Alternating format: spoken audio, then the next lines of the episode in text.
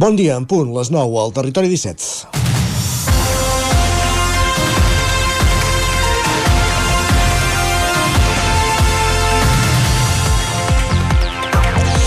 Els sanitaris han anomenat sopa de virus la situació epidemiològica d'aquests dies en què es multipliquen els contagis de bronquiolitis, Covid, grip i refredats. Des del pont de la Puríssima, els problemes respiratoris tensionen els CAP i les urgències dels hospitals, fins al punt que la mascareta ja és obligatòria a tots els centres sanitaris de l'Estat des de dimecres, una mesura que la Generalitat va avançar a Catalunya uns dies abans. Mirar pel retrovisor per ser contraproduent per avançar Mirar pel retrovisor, volem dir, pot ser contraproduent per avançar, però l'impacte de la pandèmia de la Covid va ser tan profund que caldria refrescar lliçons i evidències d'aquells mesos del 2020 i el 2021.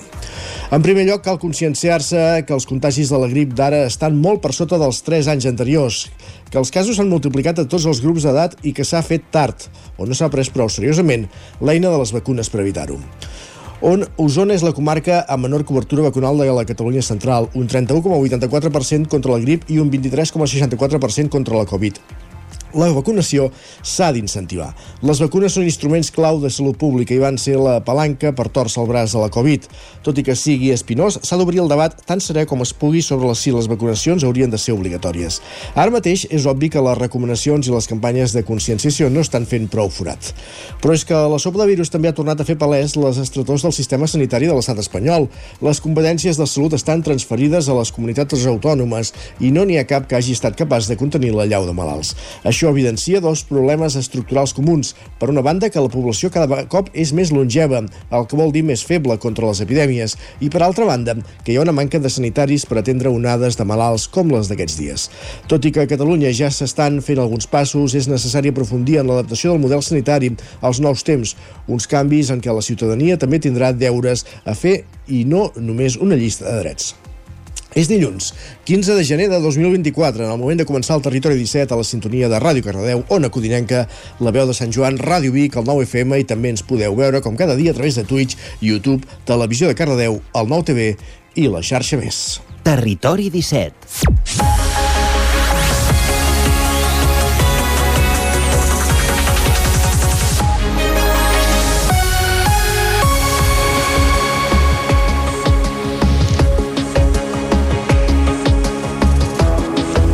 Dos minuts i mig que passen de les 9 del matí d'aquest matí de dilluns 15 de gener de 2024 en el moment de començar el Territori 17 el magazín de les comarques del Vallès Oriental l'Osona, el Ripollès, el Moianès i el Lluçanès que us fa companyia cada matí durant dues hores entre les 9 i les 11. De quina manera? Amb quins continguts? Ràpidament repassem el sumari del matí, el menú del dia d'aquest matí de dilluns 15 de gener. En aquesta primera mitja hora ens dedicarem a aprofundir en les notícies més destacades de les nostres comarques, les notícies del Territori 17 en connexió amb les diferents emissores que dia dia fan possible aquest programa. També farem un cop d'ull al cel amb en Pep Acosta, el nostre home del temps, des d'una codinenca, per veure com es presenta meteorològicament parlant la setmana, i anirem fins al quiosc amb la Clàudia Dinarès per repassar quines són les portades dels diaris del matí. A partir de dos quarts de deu, com cada dia, pugem al tren a la Trenc d'Alba amb l'Isaac Muntades, recollint les cròniques dels oferts usuaris de la línia de tren R3, la Barcelona-Granollers-Vic, Ripoll-Puigcerdà, aquella que ja fa uns mesos que està tallada per obres en un tram entre la Garriga i Parets a causa de les obres de desdoblament. I acte seguit anirem fins a Cardedeu, a l'entrevista d'avui, per parlar amb Cristos Barbas sobre el festival Labrin Catalunya, que es presentava el passat divendres. Ho farem en companyia de l'Enric Rubio des de Ràdio Televisió Cardedeu. Acte seguit, com fem cada matí, intentarem sortir a l'exterior i avui l'Isaac Montades es desplaça fins al Centre d'Educació Ambiental Alter de Sant Joan de les Abadesses per parlar d'una planta asiàtica invasora, la butleia, que que està ocupant una, una part de, de la llera del riu Ter. Van fer una acció des d'aquest centre d'educació ambiental abans de festes d'anar-la retirant i en parlarem amb un dels seus membres, amb en Xavier Batxero. Eh, com dèiem, s'hi desplaçarà l'Isaac Muntades per conversar amb ell. Arribarem amb ells fins al punt de les 10. Notícies, la previsió del temps i els esports. En repassarem com ha anat el cap de setmana esportivament parlant pels equips de les nostres comarques, equips i esportistes del territori 17 i acabarem el programa com cada dia fixant-nos, eh, fent un cop d'ull a X, la xarxa social que abans s'anomenava Twitter, i acabarem amb la tertúlia esportiva. Avui hi ha per sucari i pa, el Madrid que guanya la Supercopa amb contundència 4-1 davant el Barça, el Girona que empata al camp del Coel, l'Almeria, i també empat de, de l'Espanyol. De tot plegat en parlarem a la tertúlia esportiva amb els tertulians habituals del territori 17 i ara, quan passen 5 minuts clavats del punt de les 9 del matí, ens posem en dansa amb les notícies més destacades del territori 17, les notícies del Vallès Oriental, Osona, el Ripollès, el Lluçanès i el Moianès. Territori 17.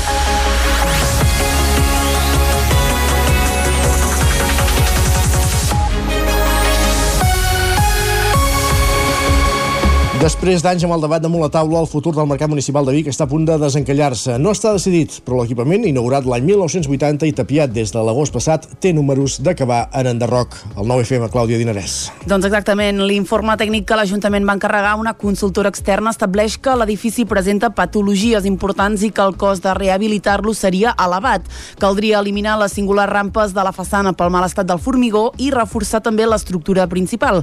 El futur de l'edifici es decidirà dimecres Terrades en una reunió que l'alcalde Albert Castells ha convocat a primera hora de la tarda. Així ho explica m'encarrega aquest informe que hem rebut tot recentment i que apunta doncs, a un edifici amb patologies importants, amb un estat de degradació important del que són les estructures i, i per això doncs, hem convocat també una reunió eh, específica monogràfica amb tots els grups polítics i amb els tècnics doncs, de l'Ajuntament on hem convidat també al Col·legi d'Arquitectes i al Col·legi d'Aparelladors. Encara estem immersos en el procés administratiu, encara tenim uns tràmits a fer per poder extingir per complet la concessió i afrontar la nova etapa. Per tant, des d'un punt de vista administratiu, aquest any 24 també ha de ser el definitiu i pel futur de l'edifici també. Amb les conclusions a la mà i tenint en compte els aspectes econòmics, l'opció d'enderrocar l'edifici seria la més plausible. Hi ha, però, altres elements que podrien fer decantar la balança. Bé, el mercat doncs, té alguna, alguns elements, les rampes bàsicament de formigó, que són una expressió del brutalisme, aquest corrent doncs, eh, típic del segle XX, i hi ha algunes veus doncs, a la ciutat que defensen que això és un element prou singular com per preservar, però precisament doncs, eh, segons apunta l'informe són les parts més, més degradades no? per tant, d'aquí ve eh, la complexitat de la decisió d'haver convocat aquesta reunió per escoltar doncs, totes les veus del món professional i també doncs, lògicament la interpretació que han fet els, els tècnics municipals i per debatre una mica doncs, aquest futur no? però evidentment la qüestió dels diners els diners públics són claus a l'hora de decidir i la seva viabilitat tècnica eh? a l'hora de decidir doncs, si definitivament hem d'enderrocar-lo o no. També serà determinant el fenomen de la rehabilitació, una pràctica molt més alineada amb les actuals tendències de l'urbanisme i de l'economia circular. De fet, el consistori Bigatà havia reservat 500.000 euros pel mercat municipal en el pressupost del 2024, sigui amb l'edifici rehabilitat o enderrocat. El següent pas serà decidir quin model de mercat municipal ha de tenir la ciutat de Vic. L'objectiu de l'equip de govern d'entrada seria fugir del model tradicional i apostar per un format o una banda de l'oferta comercial, la gastronomia gastronomia hi tingui un paper protagonista. Gràcies, Clàudia. Més qüestions. L'actualització de les tarifes de l'aigua i la connexió de Sant Feliu de Codines a la xarxa d'aigües Ter Llobregat han estat dues de les novetats de la primera taula de l'aigua. Roger Ram, zona codinenca. Bon dia, exacte. Sant Feliu de Codines ha celebrat aquest divendres la primera taula de l'aigua, una eina creada pel nou govern local amb l'objectiu de donar a conèixer als veïns l'actual situació d'abastament d'aigua al municipi. En la trobada a la que hi han assistit un centenar de persones, l'alcalde Pol Cabotí va exposar que Sant Feliu compta amb una xarxa aïllada i actualment molt tensionada, un fet que es fa evident amb les dades de consum i captacions d'aigua de la, de la darrera setmana. Aquesta setmana hem captat de mitjana cada dia 1.080 metres cúbics, hem consumit de mitjana cada dia 1.310 metres cúbics. Això podem resumir en una paraula que és problema. Ens falta aigua. Tenim un problema que aquesta setmana doncs, és eh, de 230 metres cúbics dia. Això és un problema doncs, que hem de solucionar perquè si no eh, l'única opció és que deixi de sortir aigua de l'aixeta, per tant posem solucions, però també és un problema perquè no estem captant més aigua perquè els 1.080 ara mateix és el 100% de les nostres capacitats de captar aigua. Davant aquesta situació es van presentar diverses solucions a curt, mitjà i llarg termini. Pel que fa a les accions més immediates, s'ha optat per fer una connexió d'emergència amb Vigues i Riells per tal de reduir la dependència dels 10 camions cisterna que arriben diàriament al poble des del passat mes de juliol. Una altra acció que ha de permetre comptar amb més aigua és la construcció d'un nou pou a la zona del Flaquer, que ja compta amb dos punts de captació actualment al límit. Amb la mirada posada a mitjà termini, és a dir, en els propers dos o tres anys, el consistori va llançar una crida als veïns a cercar nous llocs on fer-hi pous i va anunciar algunes millores en la xarxa, com ara digitalitzar la lectura dels comptadors i continuar buscant possibles fuites. Totes aquestes mesures, però, han de ser transitòries, ja que l'objectiu del govern és poder materialitzar la connexió a la xarxa d'aigües Ter Llobregat en un termini de 4 anys, una acció que permetria assegurar aigua a la població en cas d'una nova sequera. La solució, la conclusió que arribem ràpid és ens hem de connectar a algun lloc. I algun lloc on ens podem connectar és a la xarxa d'aigües Ter Llobregat, que no van sobrats d'aigua, evidentment tenen el mateix problema que nosaltres, però és un problema doncs, que afecta a bastants milions de persones al mateix temps. Nosaltres som 6.700. A l'hora d'afrontar un problema, doncs, segurament eh, ens quedarem sense aigua abans Sant Feliu que aigua Ter Llobregat. Per tant, eh, si ens hem d'enfonsar, doncs esteguem al, al vaixell gros, no?, d'alguna forma. Llavors sabem que això és una solució a llarg termini. Estem treballant amb CASA, estem treballant amb, amb ATL per fer. En la mateixa línia es mostrava David Vila, director d'Aigües Ter Llobregat, assistent a la reunió i qui va apuntar que veu amb bons ulls la connexió de Sant Feliu a la xarxa i que ja estan treballant amb l'Agència Catalana de l'Aigua, que és l'organisme que ho ha de validar. Vila va apuntar que l'any 2028 seria la data més propera per comptar amb aquesta connexió. Jo segueixo amb la línia de solució a llarg termini. Eh? No, no estem encara en solució a, a curt termini. Per tant, totes aquestes infraestructures estan previst que es finalitzin al període 2028-2030, que és en el, en el període que ens mouríem, en aquest cas, en, per la connexió amb, amb ATL. Eh? Una de les novetats que es va anunciar va ser l'actualització de les tarifes de l'aigua al municipi, congelades des de l'any 2016. Aquesta mesura preveu dividir els actuals trams de facturació per tal de penalitzar les llars que facin un consum excessiu d'aigua i afectar en, mesor, en menor mesura qui fa bé els deures. Portat a la pràctica, qui actualment paga 57 euros en la factura trimestral i gasta uns 20 metres cúbics d'aigua, veurà incrementat en uns 3 euros la factura. En canvi, les llars o comerços que sobrepassin aquesta xifra veuran com la factura els incrementa al voltant d'un 18%. Gràcies, Roger. Més qüestions. Tres detinguts a Sant Celoni per la policia local a causa del robatori a dos establiments. Enric Rubio, Ràdio Televisió, Cardedeu. Així és, Isaac, els tres autors del robatori els han detingut mentre intentaven ocultar material electrònic robat en un edifici que ha de ser enderrocat properament. Agents dels Mossos d'Esquadra de la comissaria de Sant Celoni van detenir els tres homes de 18, 23 i 25 anys com a presumptes autors d'un delicte de robatori amb força a dos establiments.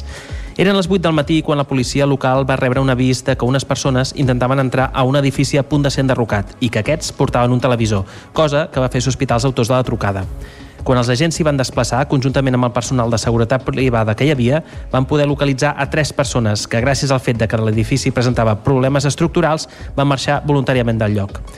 Un cop els agents van escorcollar, l'espai, trobant al seu interior diversos dispositius electrònics, els quals van ser recollits per poder investigar la seva procedència, van rebre l'avís de que s'havien perpetrat un parell de robatoris a dos centres comercials del poble. Quan els Mossos d'Esquadra van poder parlar amb les víctimes dels furs, va ser quan van poder comprovar que el material sostret era precisament el que s'havia localitzat a l'edifici abandonat. Gràcies a la col·laboració entre la policia local de Sant Celoni, es van localitzar els tres individus identificats feia una estona i van quedar detinguts per un presumpte delicte de robatori amb força. Gràcies, Enric. Més qüestions encara a la plana de successos. Els Mossos d'Esquadra enxampen 54 conductors positius per alcohol o drogues després dels sopars d'empresa i durant les festes de Nadal a la comarca d'Osona, Clàudia. En el dispositiu relacionat amb les festes que s'ha allargat un mes i escaig, els Mossos d'Esquadra han fet 92 controls de drogoalcoholèmia a la comarca amb un total de 860 lectures a conductors. D'aquests testos, 54 van donar positiu. Es van registrar 34 colèmies amb 27 conductors que van marcar entre 0,25 i 0,60 60 mil·ligrams per litre d'aire aspirat, que suposa una falta administrativa, i 8 que superaven el 0,60 mil·ligrams per litre, circumstància que és constitutiva de delicte. La majoria venien de dinars o sopars d'empresa de positius en drogues, se'n van registrar 17 i dos conductors es van negar a fer les proves, cosa que suposa un delicte contra la seguretat viària. La Guàrdia Urbana de Vic ha detectat 18 positius per alcohol i dos per drogues en la campanya de Nadal, durant la qual ha fet 424 lectures. Els dies amb més positius van ser els dels sopars d'empresa, sobretot els divendres 15 i 22 de desembre. Més qüestions, dos joves usonencs, Arnau Buixaderes i Fiona Albó, denuncien la discoteca L'Era del Sot de Vic per un presumpte cas de transfòbia. Uns fets que haurien succeït la matinada del 22 de desembre, amb la marabunta habitual d'aquestes dates marcades pels sopars d'empresa, Buixaderes i Albó van intentar accedir al local a quarts de dues de la nit. Després de fer cua una bona estona, Buixaderes explica que el personal de seguretat hauria decidit apartar-los per al cap d'uns minuts de negar-los l'entrada. Ens diuen que no podem entrar, que no podem accedir jo pregunto un motiu, ens diuen que nosaltres ja la vam liar. Primer la, li atribueixen amb ella de que l'ha liat amb altres establiments i que per això no la deixen entrar. Que, na, que anàvem beguts quan, quan això era, era impossible. Dos motius que Buixaderes i Albó neguen i que diuen van ser el pretext perfecte perquè el personal de seguretat cometés un cas de transfòbia encobert. No, ells no acaben de dir-te ets trans o no ens agrada com vas vestida o el cabell que portes o per què no portes vestit. Ells no t'ho diuen clarament, però t'ho fan entendre. O sigui, tu et sents que t'estan discriminant. És com avui no ens agrada com vens o com estàs. Per això no entraràs. T'ho diuen amb la mirada. Bueno, és que jo això ho sé llegir. I llavors busquen qualsevol excusa per dir-te no, perquè vas fer això, no, perquè... Després ell va demanar el tip i no li van donar que no se'ls hi facilités el tip el número d'identificació d'un dels porters, clau per presentar un full de reclamacions, va ser determinant perquè, acte seguit, Buixaderes i Albó s'adrecessin a la comissaria dels Mossos d'Esquadra on van interposar una denúncia per transfòbia contra el local. En declaracions aquest mitjà, el seu director, Joan Rodríguez, ha negat els fets. Assegura que no els van deixar entrar perquè anteriorment els dos implicats ja haurien protagonitzat disputes amb clientela del local i també amb l'equip de seguretat. Amb aquestes persones se'ls va apartar eh, aquell dia i es va, eh, se'ls va fer una pregunta d'un altre local perquè nosaltres teníem informes del que havia passat alguna cosa quan aquí també hi havíem tingut altres eh, merders amb aquestes persones perquè ells, ells eren clients habituals nostres des d'abans de pandèmia i els havíem deixat d'entrar sense cap tipus de problema. L'únic això, que degut a aquests altres dies i circumstàncies doncs havien entrat aquí, havien tingut merders amb clients, amb el nostre personal de seguretat doncs, per no estar amb aquestes conseqüències doncs, es va decidir parar-ho a la porta. Rodríguez afronta la denúncia amb poca preocupació. Assegura que des del local que gestiona no s'ha fet res del que se'ls denuncia. Fons dels Mossos d'Esquadra confirmen que s'han tramitat les diligències al jutjat i que s'ha informat del cas a la Fiscalia d'Odi i Discriminació. Gràcies, Clàudia. I un últim apunt des del Ripollès perquè la neu reactiva les pistes d'esquí. Isaac Muntades, la veu de Sant Joan. A mitjans de la setmana passada, la neu va fer acte de presència i va millorar les perspectives per les dues pistes d'esquí del Ripollès, Vall de Núria i Vall Ter 2000, que van poder obrir gairebé tot el domini esquiable després d'un inici de temporada complicat en què van endarrerir uns dies la seva obertura. En el cas de Vall de Núria, en l'època nadalenca, han tingut un total de 18.000 visitants, una xifra que, segons explica les relacions públiques de l'estació, Ruth Bové, és inferior a la de la temporada passada. Tot i l'escassedat de neu, Vall de Núria ha ofert un munt d'activitats alternatives durant el Nadal. Les que ens funcionen millor a nosaltres és el que us deia, no? Nosaltres tenim un públic molt familiar i després el que intentem preparar sobretot és que al matí puguin gaudir una mica de l'esquí, perquè hi ha tota la zona de debutants que estava oberta, i a la tarda hem preparat molts tallers, sobretot nadalencs, taller de fanalets, taller de, dels tions, no? perquè Vall de Núria estava decorat tot amb tions, i després també en tenim unes que és a la cabana dels pastors, que allà aprofitem de 5 a 7 de la tarda per la gent allotjada o gent que vulgui pujar perquè tenim un tren especial a les 7. És això, no? Fem una mica de gastronomia a lo que és a la cabana dels pastors. A més a més, el parc lúdic també està obert dues hores a la tarda. Gràcies a la nevada d'aquesta setmana amb gruixos d'entre 15 i 20 centímetres de neu, ja van poder obrir els 5 remuntadors i aquest cap de setmana està gairebé tot obert. El 2023 també ha tingut dues bones notícies per Vall de Núria i és que el tren cremallera ha tingut un increment d'un 11% de passatgers respecte a l'any passat i un total de 235.000 visitants anuals. La neu també va esquiar a Vallter 2000 la primera part de la temporada nadalenca, però amb la darrera nevada i el que es va poder produir, es va obrir el 100% de la zona de votants amb 7 pistes i 3 remuntadors, juntament amb la zona lúdica i la de Trineus. El director de Vallter, Enric Serra, explicava que han tingut força visitants aquest Nadal. També hi ha altres activitats que van funcionar molt bé. A la iniciativa aquesta de, del 3 2 Usqui a Vallter doncs hem tingut quasi bé 600 nens. Festa de Cap d'Any que celebrem històricament a les 12 del migdia del dia 31 vam tenir més de 800 persones i que per l'estació des del dia 23 de desembre fins al dia de Reis doncs han passat més de 7.500, 8.000 persones, dels quals el 80% han estat esquiadors, però la resta ha estat gent que ha vingut o persones que han vingut a fer altres activitats. Aquest Nadal, Vallter també s'ha sincronitzat amb la resta de la vall, ja que van promoure unes ulleres de realitat virtual de 360 graus que simulaven l'esquí i que també es van poder provar a la Fira de Nadal de Camprodon o alguns dels esquiadors, quan acabaven, anaven a la pista de gel de Llanàs. Acabem aquí aquest repàs informatiu que començàvem a les 9 en companyia de Clàudia Dinarès, Isaac Montades, Enric Rubio i Roger Rams. Moment de saludar també l'home del temps, en Pep Acosta.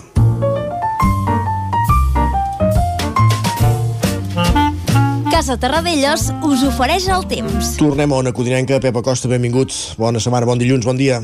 Hola, molt bon dia. Què tal, com esteu? I tu, bé. Per fi som dilluns, uh, per fi comença una nova setmana. Uh, benvinguts a la informació meteorològica. I uh, no hi ha manera, no, no tenim cap gran pertorbació, no tenim un gran moviment meteorològic. Eh, van passant els dies, eh, aquest any eh, va guanyant dies, eh, va la redundància, va guanyant cos, no arriba cap temporal de pluja, es va acumular la sequera, una sequera que ja, ja és, eh, sense cap mena de dubtes, un dels problemes més grans que tenim a casa nostra, i no, no es veu uh, uh, cap, uh, cap canvi de tendència, uh, no es veu cap solució.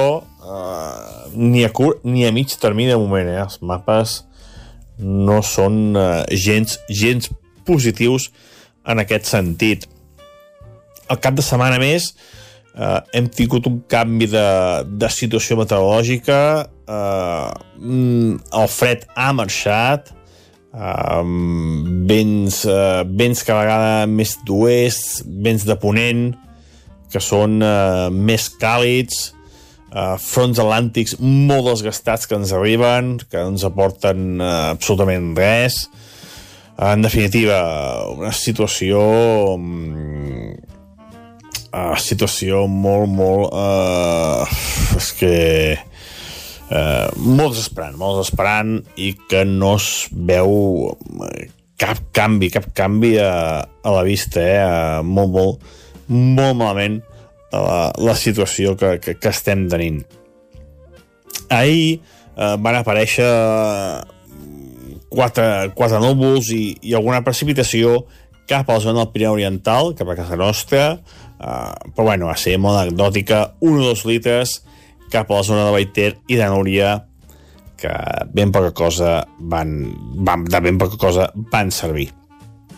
I aquesta nit les temperatures han pujat, tenim molt poques glaçades, aquests vents d'oest han fet pujar temperatura, eh, no hi ha glaçades, eh, una nit eh, amb una mica de núvols, a més, que els núvols sempre fa pujar temperatura i és que ja no fa ni fred.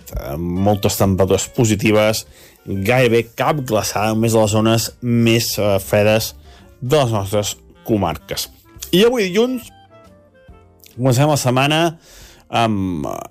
S'acosta un altre front, un front atlàntic novament, un front que ens havia molt desgastat. Aquests fronts deixen bastantes precipitacions eh, cap al Corneixa Cantàbrica, cap a Galícia, però quan arriben a casa nostra arriben del tot desgastats, només arriben una mica de vent i amb quatre gotes cap al Pirineu Occidental i cap a Ponent. Però a les comarques eh, aquests fronts passen amb molta més pena que no pas glòria.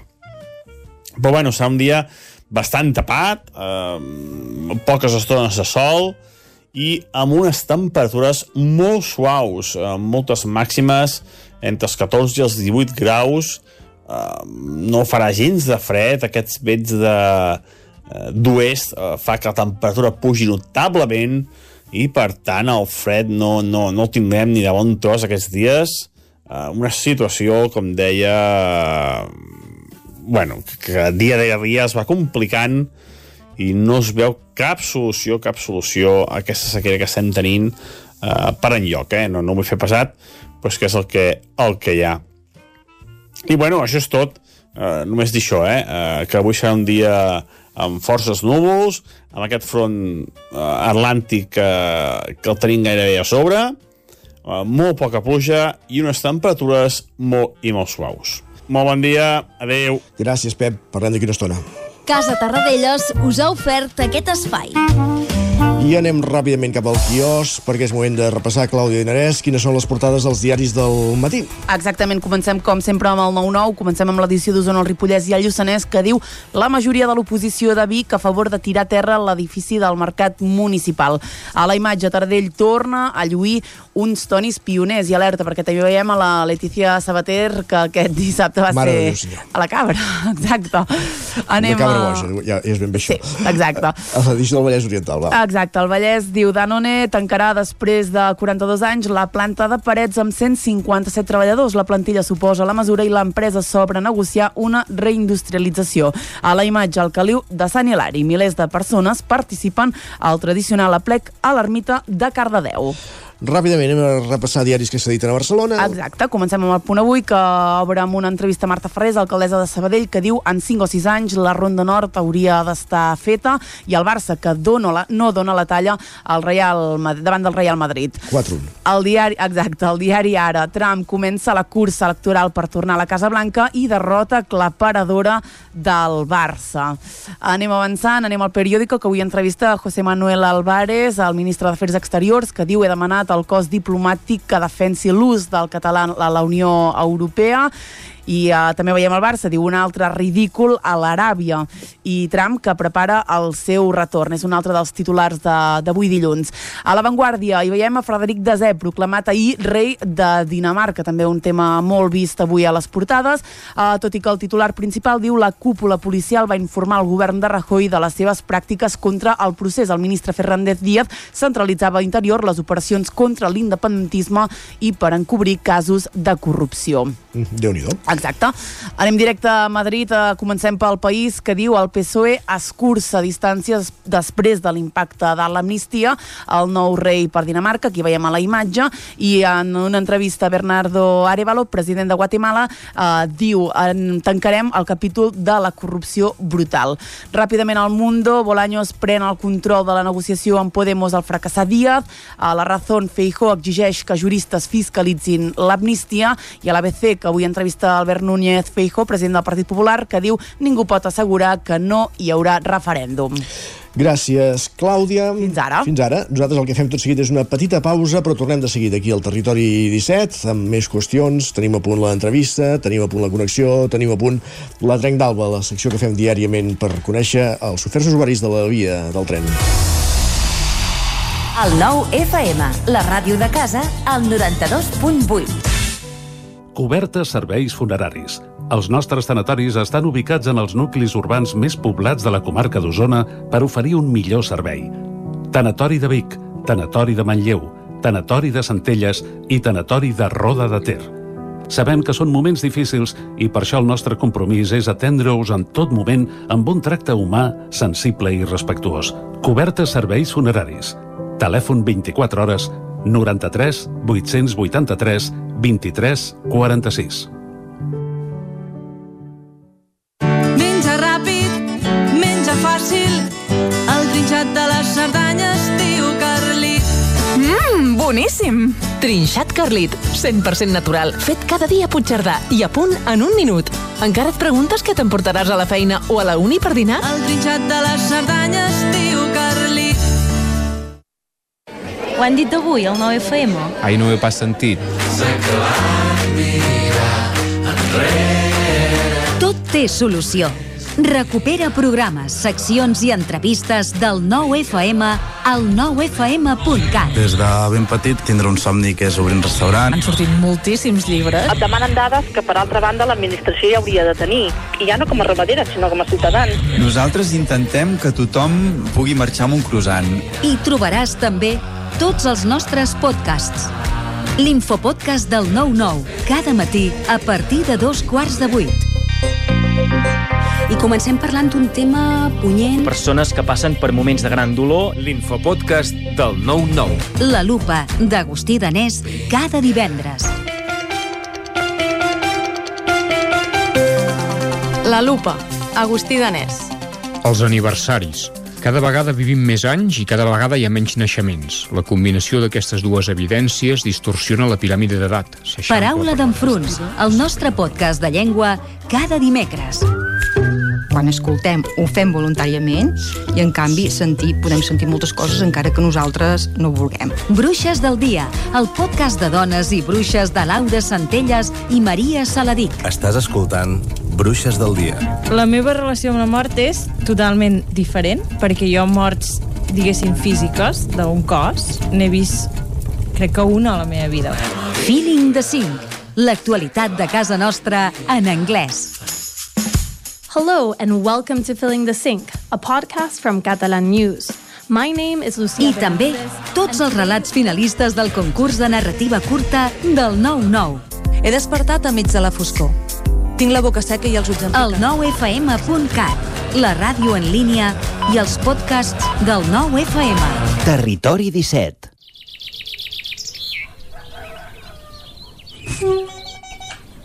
A Tren d'Alba.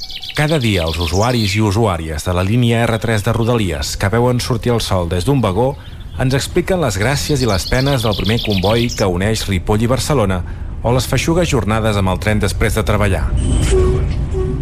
Benvinguts a Tren d'Alba. L'usuari d'X Les Altres Veus denunciava que les dues màquines validadores de la T-Mobilitat de l'estació de Montcada Ripollet fa més de dos mesos que no funcionen i això fa que els usuaris que les utilitzen no poden validar els títols de transport veient-se obligats a viatjar sense bitllet. Un altre usuari els contestava que Montcada i Bifurcació passava el mateix cada dos per tres. Això és un problema perquè les persones s'han de molestar en gravar vídeos amb el mòbil per ensenyar-los a l'interventor revisor per demostrar que no s'han colat al tren i que si no han pagat és perquè ningú és capaç d'arreglar aquestes màquines. Va, ens retrobem demà amb més històries del tren i de l'R3. Territori 17. Un minut que passa de dos quarts de 10 del matí.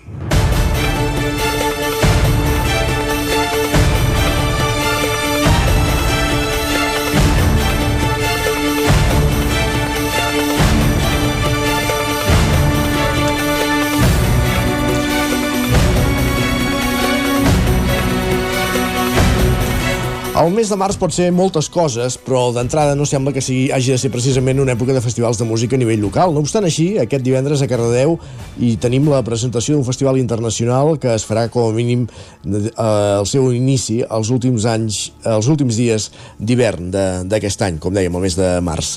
Enric Rubio, Ràdio Televisió Cardedeu, benvingut, bon dia. Així és, Isaac, bon dia. I per qui no ho sàpiga del que estem parlant, el festival en qüestió és el Labyrinth Catalunya, el qual té com a nexe originari el Festival de Creta, a Grècia, indret on s'hi segueix fent paral·lelament, conjuntament amb altres llocs del món. I per poder-ne parlar, saber-ne més i agafar ganes d'anar-hi, tenim avui en Cristos Barbes, president de l'Associació de Música Modal de Cardedeu, la qual és qui organitza el Labyrinth Catalunya. Cristos Barbes, és un plaer tenir-te avui aquí al T17, en directe per tots els nostres oients. Molt bon dia. Us, uh, us enxampem en una setmana de bastanta feinada, si no m'equivoco, oi que sí? Uh, sí, sí, buenos días, gracias por la invitación. Uh, sí, estamos preparando después de Navidades también una, un pequeño descanso, la edición, la novena edición de este año.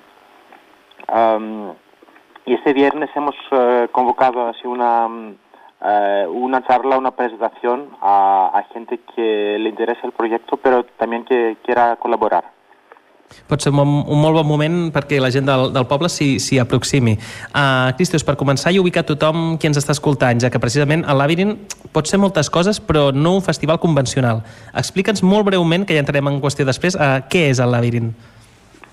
Sí, es un festival, es un encuentro que en su raíz tiene la parte educacional también. Da, o sea, invitando eh, músicos que representan músicas que no es muy fácil acceder y mm, abrimos un espacio educacional tanto para músicos profesionales, pero tanto para eh, músicos o también para público que quiere solamente escuchar y estar en contacto con una música que no puede encontrar posiblemente en los conservatorios en las academias. Si estaba hablando de, por ejemplo, tenemos un profesor de, francés iraní que enseña percusión de Irán, una cantante griega, una música de Irán, una cantante de India y etcétera. Así tenemos eh, eh, 11 profesores este año. Uh -huh. uh, ara ho començava a apuntar en, en Cristos estem parlant d'un festival internacional perquè hi podem trobar músics d'arreu de, del planeta sempre ha estat així, oi Cristos? Sí, sí, sí, sí. siempre el, el, el enfoque digamos del Labyrinth era multicultural Y, Molts estareu... Sí. Sí, y lo que decía, para completar después el festival, el- es el encuentro que eh, diría que tiene, digamos, en su núcleo eh, unos seminarios i- bastante intensivos de cinco días, seis horas cada día, que es una oportunidad de inmersión total, digamos, en una música, pero también en un grupo de gente, porque los estudiantes eh, están vienen de varios sitios del mundo, pero se quedan en el pueblo, se alojan eh, en casas del pueblo. Y para completar el festival también hay, mm, hay conciertos donde mm, el público también puede escuchar la música y aprovechar la presencia de tanto profesores como alumnos. Precisament volia preguntar-te per, per aquest tema que, que m'ha cridat personalment molt l'atenció i és que, com comentes, els músics s'allotgen en habitacions i cases de la pròpia gent del poble que cedeix al, pel festival. Uh, Explica'ns una miqueta aquest tema, perquè hi ha, aquí hi ha una unió no, entre pobles i músics que, que en molts altres festivals no es troba. Sí, esto surgió un poco de este pueblo en Creta, donde empezó el festival, que es un pequeño pueblo de 500 habitantes du- durante el invierno, llegan a ser unos 800 durante el verano, donde habían unas ah, habitaciones, unos hostales para alquilar, pero básicamente no había más capacidad. Entonces, eh, casi por necesidad, la- los invitados se quedaban, también se alojaban en, en, en habitaciones o en casas vacías que dejaba el pueblo. Pero con la, mm, después de unos años veíamos que esto creaba un eh, enlace muy bonito entre la gente del pueblo y los eh, y los estudiantes y los profesores. Entonces, cuando hemos empezado el, el- los seminarios, los conciertos en Cardedeu, hemos, mm, podríamos decir, hemos replicado más o menos el modelo de Creta y hay alguna gente que se queda también en los pocos hostales o Airbnbs que están en el pueblo, pero básicamente nos interesa que, mm, que la gente pueden dejar algunas casas si no están ahí en Semana Santa o eh, dejan alguna habitación y tienen una persona invitada que solamente duerme allí, no, no come ni, ni- no- hace más cosas, digamos, solamente descansa allí. Un sostre per poder estar aquests dies. Sí. Uh, com ho pot fer qui estigui interessat en acollir uh, aquests músics, en allotjar artistes durant els dies de, del festival? Qui s'ha de, uh, on s'han d'adreçar? Ah, eh, pu- pues a, a nosotros, si entra al web de Labyrinth Catalu- eh, Cataluña, eh, ha- hay mails de comunicación, de- hay personas que se mm, ocupan del alojamiento y también una oportunidad de conocernos y hablar desde cerca es el, este viernes a las 7 en Tarambana. Tarambana, lloc eh, cultural ja per excel·lència d'aquí Cardedeu també. Uh, Cristos, com s'organitza pròpiament el festival i quants dies dura? És a dir, uh, què trobarà la gent? Hi haurà actes al carrer? Serà uh, sota cobert? Com, com està organitzat per la gent que no ho conegui? Sí, está, eh, está organizado en dos periodos. El primer periodo es del 22 al 26 de, de marzo. Después hay un día de descanso, digamos, el miércoles 27 para los seminarios. Y siguen el, el segundo periodo del 28 al 1 de abril, justo la- el lunes después del, del Pascua. Ah, y hay conciertos que los vamos a, a- a anunciar este viernes, eh, los que pasarán básicamente los fines de semana ah, y en el miércoles 27. Los conciertos pasarán tanto en la mm, Fábrica de Cultura, en la Textilrase, eh, pero también en la Plaza San Corneli y también en varios espacios del pueblo ah, y, y también en casas. Digues, digues, Enric. No, no, i ara em referia... Eh, volia preguntar-te, Cristos, hi ha alguna novetat, tot i que hi haurà presentació aquest di divendres, alguna novetat que ens puguis explicar o algun tret així més diferencial de cara a aquest any? Alguna cosa que et vingui de gust compartir-ho? Sí, pues especialmente esto, que habrán varios conciertos de pequeño formato. Hemos hecho como una, mm, eh, una invitación a, músicos que puedan presentar su proyecto. Entonces, eh, habrá, mm, digamos, conciertos íntimos de dos, tres personas que harán varias presentaciones en, salones de casa o, o otros espacios en Cardedeu. Entonces, los fines de semana eh, de, la, Semana Santa, tanto el Pascua como el anterior, la gente podrá, digamos, hacer un paseo en, en Cardedeu y acudir a los diferentes conciertos. Y también el, el primer sábado, el sábado, si no me equivoco, es 20, eh, 23, am, habrá un, un, un concierto al aire libre en la Plaza San Cornelio. Cristos, ja sé que la, la presentació és divendres, però ens pots avançar alguns dels noms de, del cartell que hi podrem veure en aquesta edició del festival a, a Cardedeu aquest any? Ah, pues sí, la, los, los artistas, digamos, um, que, ahora puedo, compartir son los, los profesores, el eh, Ross Daly, Kelly Zomá, Efren López de Valencia, uh, Murat Aydemir, que es un músico muy importante de, de Istambul, Pelva Naik, que la hemos tenido el año pasado, una cantante muy importante de, de la India. Uh, vendrá también Burak Sabas, un joven eh, cantante, pero también violinista que vive en Holanda, pero es turco, y, y, y muchos más. Quina és la, la vinculació de, de Cardedeu amb aquest festival que, com dèiem, té origen a, l'illa de, de Creta i, i per què a Cardedeu cada any, diguéssim?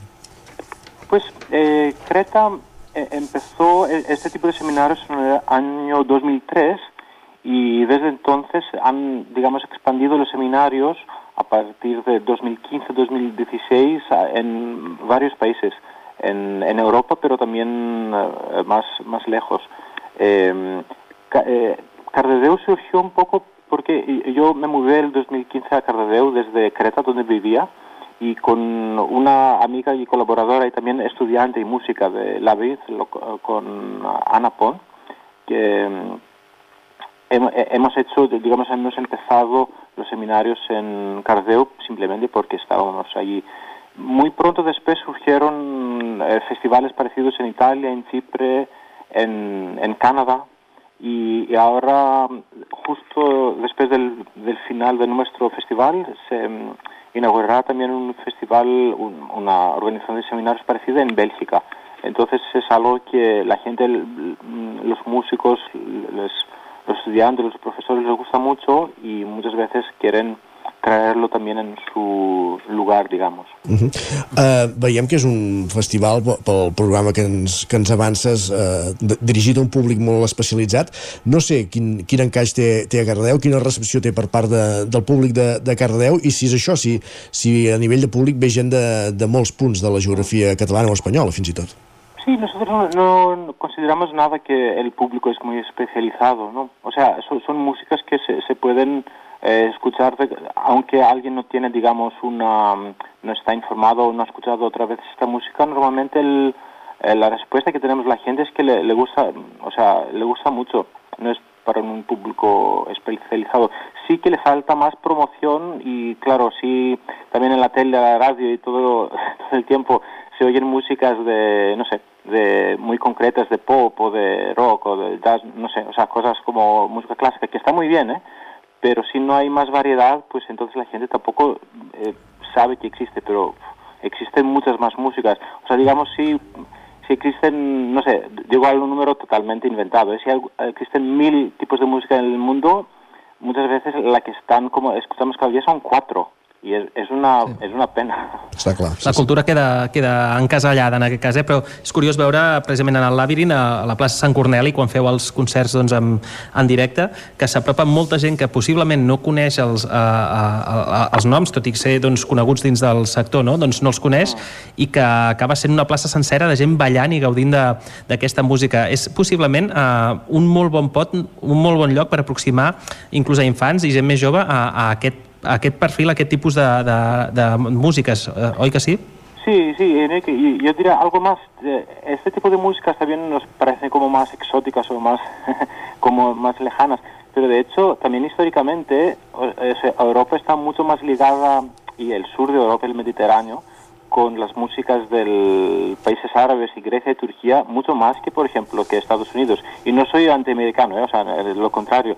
Pero quiero decir, o sea, esto de escuchar como mm, eh, jazz me parece muy bien. O sea, me gusta el jazz y lo toco, pero eh, de, cerca, de cercanía y de conexión también histórica y cultural es algo que está mucho más, eh, mucho más cerca de la música popular también de, de la península y del Mediterráneo. Sí, sí. Segurament la, la, globalitz, la globalització és una d'aquestes coses no, que ens fa properes coses molt llunyanes i que el que teníem sempre dia a dia o més proper, doncs ara mateix ens és, ens és desconegut, no?, per molts. Sí, és una oportunitat, sí. Molt bé, Cristos, ba Cristos Barbas, eh, moltíssimes gràcies per acompanyar-los eh, per parlant d'aquest Labrin Catalunya, aquesta nova edició que es presenta aquest divendres a Cardedeu, que es farà durant el mes de, de març en aquesta localitat del Vallès Oriental i n'hem pogut parlar profundament avui aquí al Territori 17. Moltíssimes gràcies i que vagi tot plegat molt bé. Gràcies a tu. Bon dia. Sí. Gràcies, Enric, per acompanyar-nos en aquesta estona d'entrevista. No marxis gaire lluny, fins ara. parlarem d'aquí una estoneta. Va, fins ara. fins ara. I nosaltres que avancem al territori 17 i de Cardedeu, que agafem el cotxe i ràpidament ens plantem a Sant Joan de les Abadesses.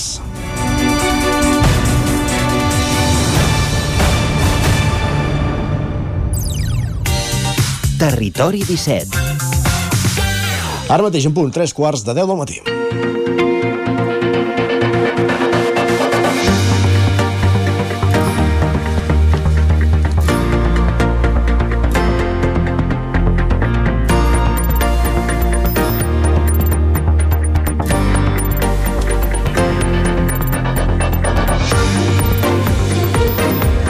Anem fins a Sant Joan de les Abadesses, perquè avui l'Isaac Muntades eh, està al costat d'una persona que ens parlarà d'una planta, d'una planta invasora a la llera del riu Teri, que està portant de, de corcoll als naturalistes i també les plantes autòctones. Isaac Muntades, la veu de Sant Joan, bon dia, on ets avui? Bon dia, Isaac. Sí, de fet, avui, com deies, eh, ens hem desplaçat al Centre d'Educació Ambiental Alter d'aquí de Sant Joan de les Abadeses, al, al Molí Petit, no gaire lluny de, de l'emissora de la veu de Sant Joan, a poc més de 800 metres, podríem dir, eh, perquè just abans de les festes de Nadal, ara ho comentàvem, al municipi Sant Joaní, eh, des d'aquest Centre d'Educació Ambiental que es va fer és una, una acció a la llera del riu Ter, com deies, per retirar la botleia, que és una planta eh, asiàtica invasora que està ocupant l'espai, com deies, de les plantes autòctones i fa de portar de corcoll dels naturalistes, dels ecologistes, a tothom en general, perquè és una planta doncs, que, que en trobem molt aquí a, a Sant Joan de les Abadès, però també a, a, arreu del Ripollès. I avui doncs, parlem amb un dels membres de, del Centre d'Educació Ambiental Alter, en Xavier Batxero, sobre la necessitat d'erradicar doncs, a, a aquesta planta. Bon dia, Xavier, moltes gràcies per acollir-nos uh, aquí al Molí Petit i gràcies per ser al Territori 17 amb nosaltres. Gràcies a vosaltres. Uh, per situar els nostres oients, Xavi, uh, què és la botleia i com ha arribat a Catalunya convertint-se en això que dèiem, eh, en una planta invasora? Bueno, la botleia és una planta que ve de la zona central d'Àsia, el centre Xina, el central, Tibet, aquell sector, i va arribar bàsicament com a planta ornamental. És una planta que fa molta flor, molta, és una planta que li diuen la planta de les papallones perquè trau les papallones uh -huh i a través doncs, de, sobretot de jardins doncs, s'ha anat escampant uh -huh. Això abans d'Isaac, abans que li comentis, volia dir que també, abans de passar per aquí a Catalunya, em sembla que va passar per, per el Regne Unit, que és una mica d'on va venir tot el mal, no? Sí, tot l'origen és en el Regne Unit. Eh, els britànics són molt amants de les papallones i de totes aquelles plantes que fan molta flor i van començar a portar-ho. El clima del Regne Unit és un clima humit, és un clima ideal per la botleia i ràpidament ja es va, es va estendre a través dels gardens, eh, a l'hora de, de, de les empreses que venien plantes ornamentals i la botleia s'ha trobat molt a gust en zones que tenim un clima doncs, més aviat amb, amb humitat, amb, i per això la tenim sobretot al nord-est de Catalunya molt, molt establerta. Uh -huh. uh, bon dia, Xavier. N'hi ha molta de Botleia al Ripollès i on la podem trobar en, en concret? Mira, la, la veritat és que de Botleia en tenim molta, uh, ocupa els espais de, sobretot de Ribera, per tant als costats dels rius, Uh, i també a algunes obagues on hi ha molta humitat uh, llavors és, és l'hàbitat l'ambient que li agrada més humitat i ombra com la podem distingir? A veure, la boleia s'assembla molt a un lilà, no? És una planta que fa, eh, fa moltes, molts troncs, molt, és molt extensa. Sembla un, és, de fet, és una planta arbustiva, que es diu, perquè de fet és un arbust, i té unes fulles molt allargades, eh, en forma de llança, que es diuen, i les flors són molt característiques. Són unes, unes flors d'una inflorescència amb moltes flors, de color rosat, eh, més o menys, i que són moltes, moltes, fa com, un, com si fos un, un, un raïm, no? i, i fa, bueno, és, és ideal perquè clar, és una planta que ens crida molt l'atenció, ens recorda molt el lilà, de fet ara en aquesta època d'hivern no, perquè ara és marró pràcticament, podríem dir d'alguna manera, eh, no és, no és ben bé el mateix, és això que deies, una planta arbustiva que pot ocupar fins i tot 10 metres de llargada, pot ser molt alta, no?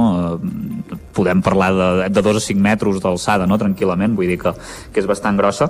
Um, jo et volia preguntar això, eh, que una mica comentaves les característiques, quin és el, el, el seu cicle vital? Per què és una planta tan invasiva? Què, què fa que sigui tan invasiva? Em sembla que és un tema sobretot de desplaçament de, de llavors, no?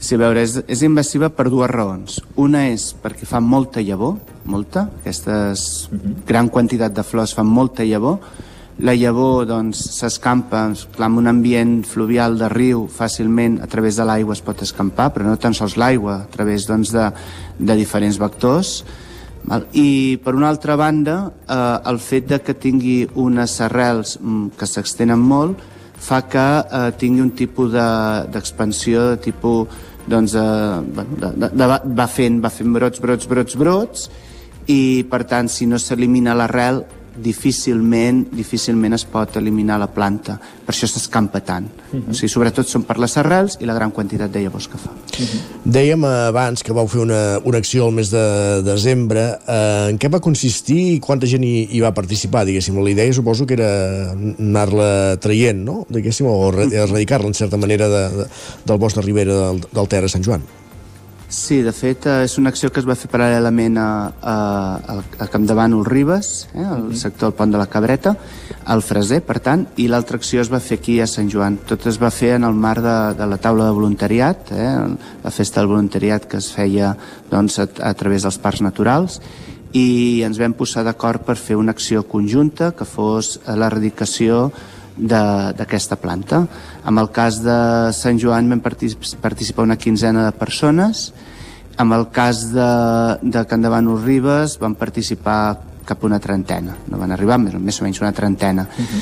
I l'objectiu és eh, mantenir a ratlla eh, la, la, la, el que és la botleia. Sí que és cert que un cop l'acció bàsicament va consistir en, en, uh -huh en arrencar els brots petits, eh? els brots petits aquests sí perquè els arrencaves d'arrel, i els més grans, que són impossibles d'arrencar perquè fan, poden fer troncs bastant gruixuts, aquests sí que es van serrar, i eh, després posteriorment ja amb els, amb els tècnics del, del CEIR no, el que es va fer del, eh, el que es va fer va ser col·locar doncs, eh, verí per, bueno, verí, un, un tipus de, de, de, de, bueno, d'element que, que mata doncs, molt, molt, molt, molt eh, podríem dir quirúrgic, eh? Doncs el que és la planta pròpiament. Allò s'introdueix a la planta, la planta doncs, entra a través d'aquest petit tronc i eh, va a l'arrel. Llavors és l'única forma que s'ha trobat d'eliminar-ho. Sí que hi ha una forma també bastant més radical que és a través de directament amb maquinària llaurar-la això és una de les accions, per exemple, que es havia fet aquí al Ripollès. Mm -hmm. Ara ens comentaves això, eh? com s'ha d'eliminar, que s'ha de fer una mica a soc arrel, no? perquè si no es treu l'arrel això és, és impossible parlem que ara és el moment de fer-ho, no? també ara a l'hivern, perquè a l'estiu no, ni se'ns acudeixi, perquè no serviria absolutament de res, no? El problema de fer-ho a l'estiu és que la planta ja ha granat i fer una acció d'aquest tipus mm, a vegades podríem escampar la llavor encara més. Eh? Per tant, seria una mica contraproduent el fet de fer-ho a l'hivern quan ja no té, ja no té gra, no hi ha flor, eh, el que fas és que és quan l'arrel doncs, està en letàrgia no? i és el moment potser ideal per, per mantenir més a ratlla aquesta planta. Uh -huh. El problema no és nou, no és d'ara. El 2012, de fet, ja vau fer accions per retirar Boldeia, que en, els, en certa manera van, van funcionar, però és una acció que entenem que s'ha d'anar fent de forma recurrent. Sí, correcte. A través del Consorci del Ter, a la zona de Vilallonga, el 2012, es va fer una actuació bastant, diguéssim, bastant potent. En, en aquest cas sí que es va intervenir en maquinària, llaurant-la directament, o sigui, arrencant l'arrel no, de socarrel. El que sí que és important, molt important, és no deixar-ho de fer, perquè eh, pots eliminar la botleia en un lloc, però si t'acaba arribant grana d'una altra banda, doncs tornaràs a tenir-la, no? és una acció que s'ha d'anar fent. Sí que s'ha vist que en, en zones molt concretes, a mesura d'anar fent, fent, fent, no? d'anar tallant, d'anar arrencant, s'ha aconseguit eh, erradicar. Però ja dic, són sectors eh, força petits. eh, és important qualsevol acció d'erradicació el manteniment. D'aquesta manera també s'evita que s'escampi més. Si no es fa res, el que estem fent és que s'escampi encara més. Si es fan actuacions, es manté ratlla i com a mínim no s'escampa més enllà d'aquell sector, eh, que és una mica l'objectiu amb, amb les plantes o les espècies invasores. No és tant l'erradicació total, sinó el control de, de lo que és aquesta expansió, aquesta invasió, no? Seria? Mm -hmm. Precisament el dia que es va fer una mica doncs, aquesta acció, me'n recordo que va venir una persona que era jardinera, l'Agustí Fajula, que, que evidentment en domina molt i havia participat en, en algun d'aquests temes, i ens deia això, eh, que s'havia vist el Butleia en llocs que fins ara no, no se n'havia vist, lluny del riu fins i tot segurament, perquè doncs, la maquinària que treballava precisament per retirar la botleia el que feia és endur-se la grana i la llavor cap a una zona, diguéssim, més, més endins. Eh, ells, com que són trialers, doncs, per, per zones més on es fa trial, més enmig de la muntanya, que pot ser que hi hagi riu, però també pot ser que no, llavors això, no?, que, que s'expandia, no? Això sembla un contrasentit, en certa manera. Sí, no, bueno, el fet és que, clar, si es fa quan no toca, el problema és que tu pots ser vector d'escampar de, aquesta, aquesta grana, i això fa, si cau aquesta grana en un lloc que hi hagi eh, humitat i sobretot ombra, mm, s'escampa bueno, de, de mala manera, encara que no, no estigui ni al costat d'un torrent ni d'un riu, eh, la qüestió són les condicions ambientals. Uh mhm. -huh. Ja... Uh... Digues, Isaac, digues, perdona.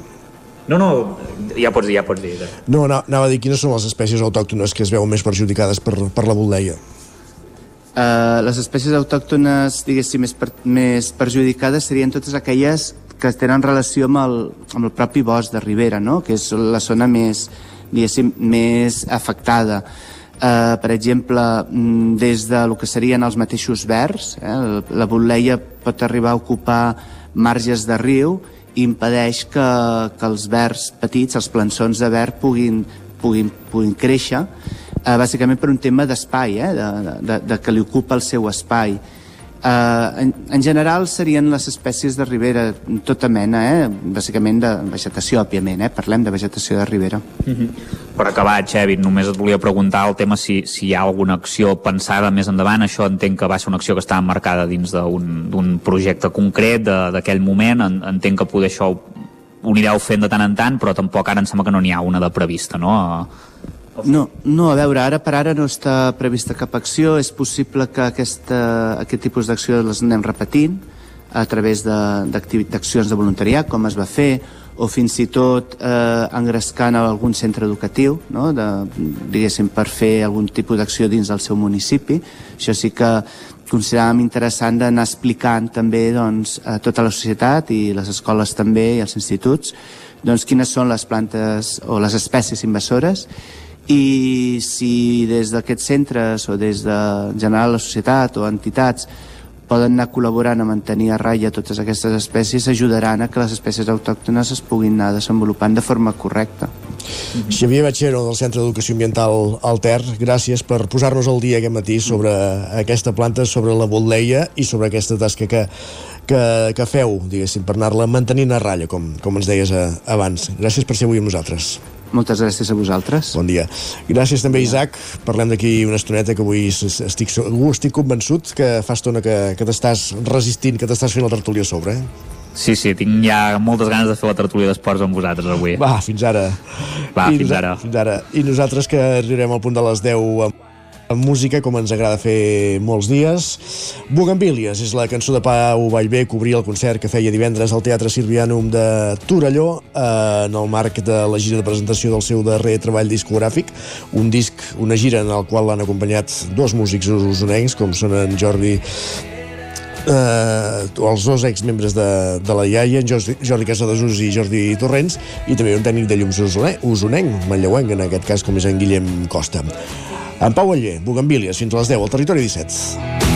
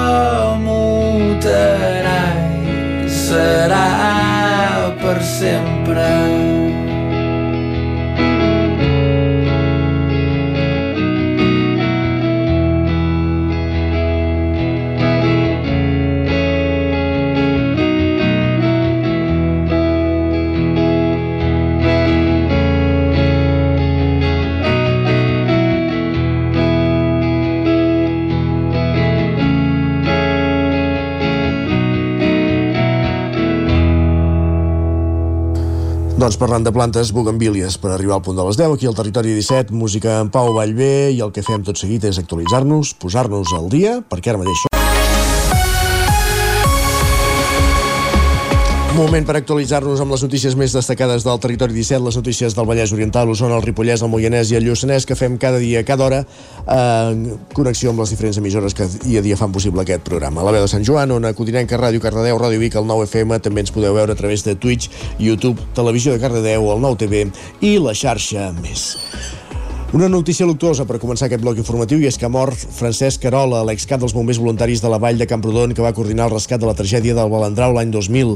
Isaac Muntades, la veu de Sant Joan. Aquest diumenge va morir Francesc Carola a l'edat de 73 anys. Aquest camprodoní, un ciutadà molt popular involucrat en el dia a dia de la vila, va ser cap dels bombers voluntaris de la vall de Camprodon durant 47 anys. En Cisco, com el coneixia tothom, era expert en allaus i va coordinar l'operatiu de rescat de la tragèdia del Balandrau de finals del 2000 i el de la Coma d'Orri. Precisament el rescat del Balandrau, que ha desembocat en el documental de TV3 Balandrau Infern Glaçat i el llibre Tres nits de torb i un cap d'any, era un dels moments que va marcar la seva vida professional. Bé, va ser un rescat difícil perquè amb aquestes magnituds no ens havíem trobat mai i evidentment dels 10, 9 van ser aquí al sector del Ripollès perquè l'altre noi va ser a Portainer, aquell del Torp i clar, imagineu-vos que comencem només per dos, després l'endemà se't complica ja són 3 més, després se't complica ja són 5 més i al final van ser 9 persones que vam deixar la vida aquells dies allà dalt al sector de Coma de Vaca i tot aquell, i Ull de Ter i per sort encara vam treure un que bueno, era, va, ser a la seva sort i a la nostra il·lusió però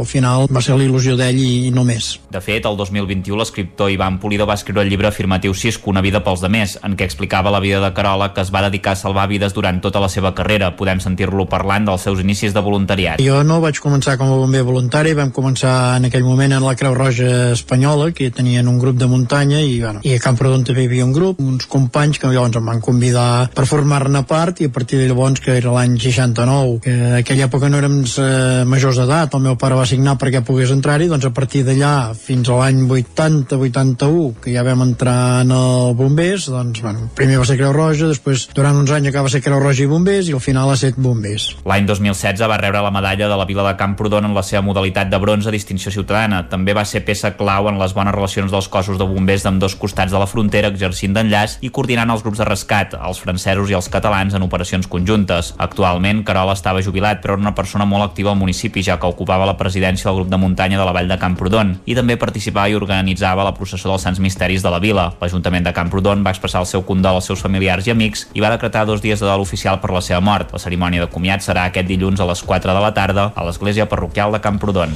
Després d'anys amb el debat damunt la taula, el futur del mercat municipal de Vic està a punt de desencallar-se. No està decidit, però l'equipament inaugurat l'any 1980 i tapiat des de l'agost passat té números d'acabar en enderroc. Clàudia Dinerès, al 9FM. L'informe tècnic que l'Ajuntament va encarregar una consultora externa estableix que l'edifici presenta patologies importants i que el cost de rehabilitar-lo seria elevat. Caldria eliminar les singulars rampes de la façana pel mal estat del formigó i reforçar també l'estructura principal. El futur de l'edifici es decidirà dimecres en una reunió que l'alcalde Albert Castells ha convocat a primera hora de la tarda. Vam encarregar aquest informe que hem rebut tot recentment i que apunta doncs, a un edifici amb patologies importants, amb un estat de degradació important del que són les estructures i, i per això doncs, hem convocat també una reunió eh, específica monogràfica amb tots els grups polítics i amb els tècnics doncs, de l'Ajuntament on hem convidat també al Col·legi d'Arquitectes i al Col·legi d'Aparelladors. Encara estem immersos en el procés administratiu, encara tenim uns tràmits a fer per poder extingir per complet la concessió i afrontar la nova etapa. Per tant, des d'un punt de vista administratiu, aquest any 24 també ha de ser el definitiu i pel futur de l'edifici també. Amb les conclusions a la mà i tenint en compte els aspectes econòmics, l'oposició, eh, l'opció perdó, d'enderrocar l'edifici seria la més plausible. Hi ha, però, altres elements que podrien fer decantar la balança. Bé, el mercat doncs, té alguna, alguns elements, les rampes bàsicament de formigó, que són una expressió del brutalisme, aquest eh, corrent doncs, eh, típic del segle XX, i hi ha algunes veus doncs, a la ciutat que defensen que això és un element prou singular com per preservar, però precisament doncs, eh, segons apunta l'informe són les parts més, més degradades no? per tant, d'aquí ve eh, la complexitat de la decisió d'haver convocat aquesta reunió per escoltar doncs, totes les veus del món professional i també doncs, lògicament la interpretació que han fet els, tècnics municipals i per debatre una mica doncs, aquest futur no? però evidentment la qüestió dels diners els diners públics són claus a l'hora de decidir eh, i la seva viabilitat tècnica eh, a l'hora de decidir doncs, si definitivament hem d'enderrocar-lo o no. També serà determinant el fenomen de la rehabilitació, una pràctica molt més alineada amb les actuals tendències de l'urbanisme i de l'economia circular. De fet, el consistori biguetà havia reservat 500.000 euros pel mercat municipal al pressupost de 2024. Sigui amb l'edifici rehabilitat o enderrocat, el següent pas serà decidir quin model de mercat municipal ha de tenir la ciutat de Vic. L'objectiu de l'equip de govern d'entrada seria fugir del model tradicional i apostar per un format on, a banda de l'oferta comercial, la gastronomia hi tingui un paper protagonista. Gràcies, Clàudia. Més qüestions. Entre els 140 municipis que hauran de contenir el preu del lloguer aquest 2024, on hi ha les poblacions més poblades del territori 17, com poden, puguin ser Vic, Manlleu, Granollers o Mollet, també hi ha Sant Celoni i Llinars del Vallès. Enric Rubio, Ràdio Televisió Cardedeu. Així és, Isaac i ha estat la consellera del Territori qui ha anunciat que la nova norma entrarà en vigor al mes de febrer. Per tant, queda poc i ens sentirem a parlar força. Com bé has dit, Sant Celoni i Llinars del Vallès són els dos municipis de l'àrea del Baix Montseny que estan afectats per la contenció del lloguer. Esther Capella, la consellera de Territori, va fer saber un cop haver-se donat per conclosa la reunió amb la ministra d'Habitatge Isabel Rodríguez que han arribat a un pacte, al qual estipula que les setmanes vinents han d'acabar la feina d'aprovar i publicar l'índex de preus de referència dels lloguers, el qual, un cop aplicat, servirà per declarar les zones tenses dels 140 municipis afectats al territori. Esther Capella ha volgut puntualitzar que la norma no tindrà efectes retroactius i que la seva aplicació variarà si els amos de l'immoble es tracten d'un petit propietari o d'un gran tenidor.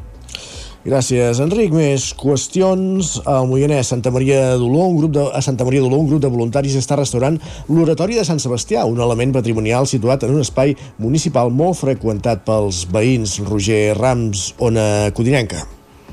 Sí, exacte. Precisament la gent que habitualment camina per aquest lloc és qui va donar l'alerta que l'oratori de Sant Sebastià de Santa Maria d'Oló es trobava en un mal estat. A partir d'aquí, un grup de sis voluntaris es van posar a treballar justament per restaurar-lo. En Josep Canamases n'és un d'ells i explica quins problemes s'hi van trobar. Bueno, hi havia la, la taulada que es havia esberlat i llavors ja, ja hi entrava aigua dins, hi havia de goters i es veia ben a dins que, que hi corria l'aigua la taulada que té està feta amb, a base de quatre triangles, que és tot curiós, doncs eh, sobretot un d'aquests triangles es va obrir i això feia que l'aigua pogués entrar. L'oratori va ser construït l'any 1940 per dos veïns del poble que van sobreviure a la Guerra Civil.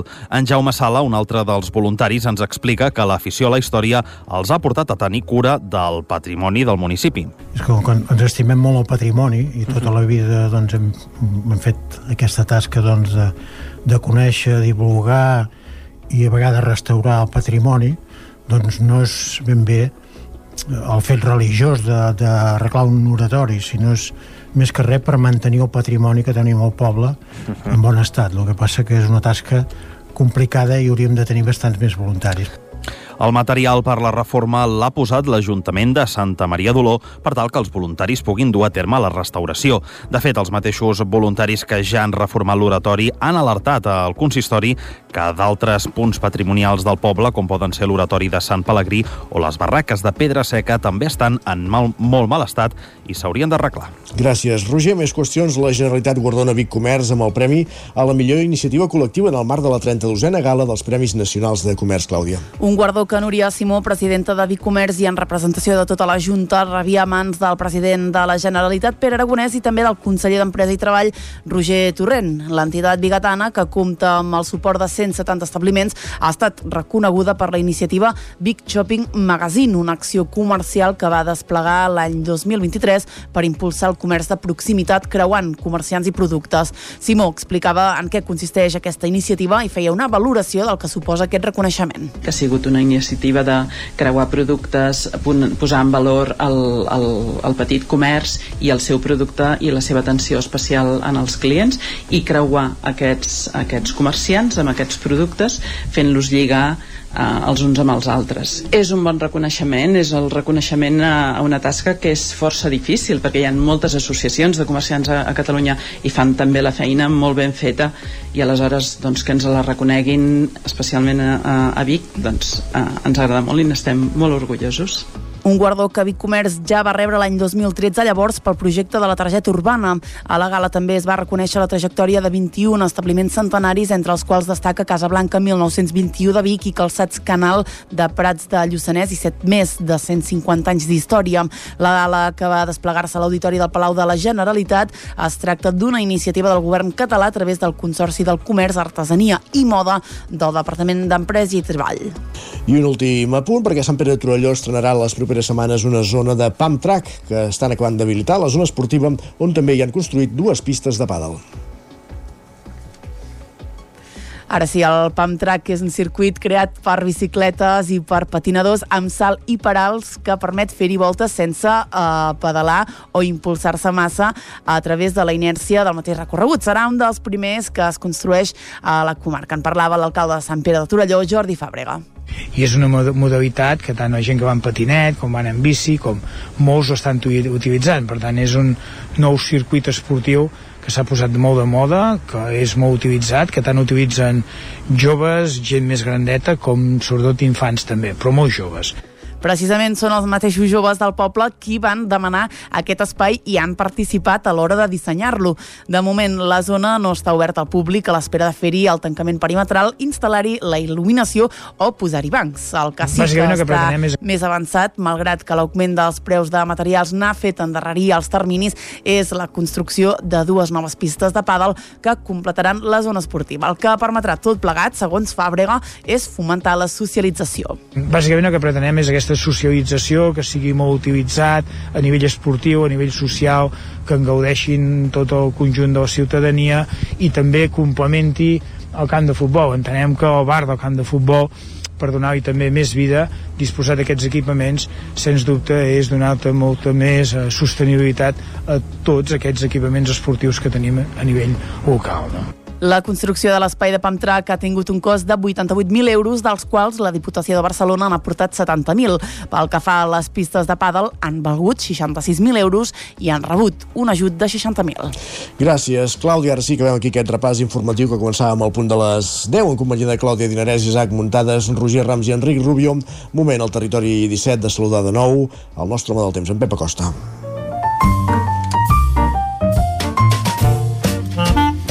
Casa Terradellos us ofereix el temps. Tornem a una codinenca. Pep Acosta, benvingut de nou, bon dia. Hola, molt bon dia. I aquesta nit les temperatures han pujat. Tenim molt poques glaçades. Aquests vents d'oest han fet pujar temperatura.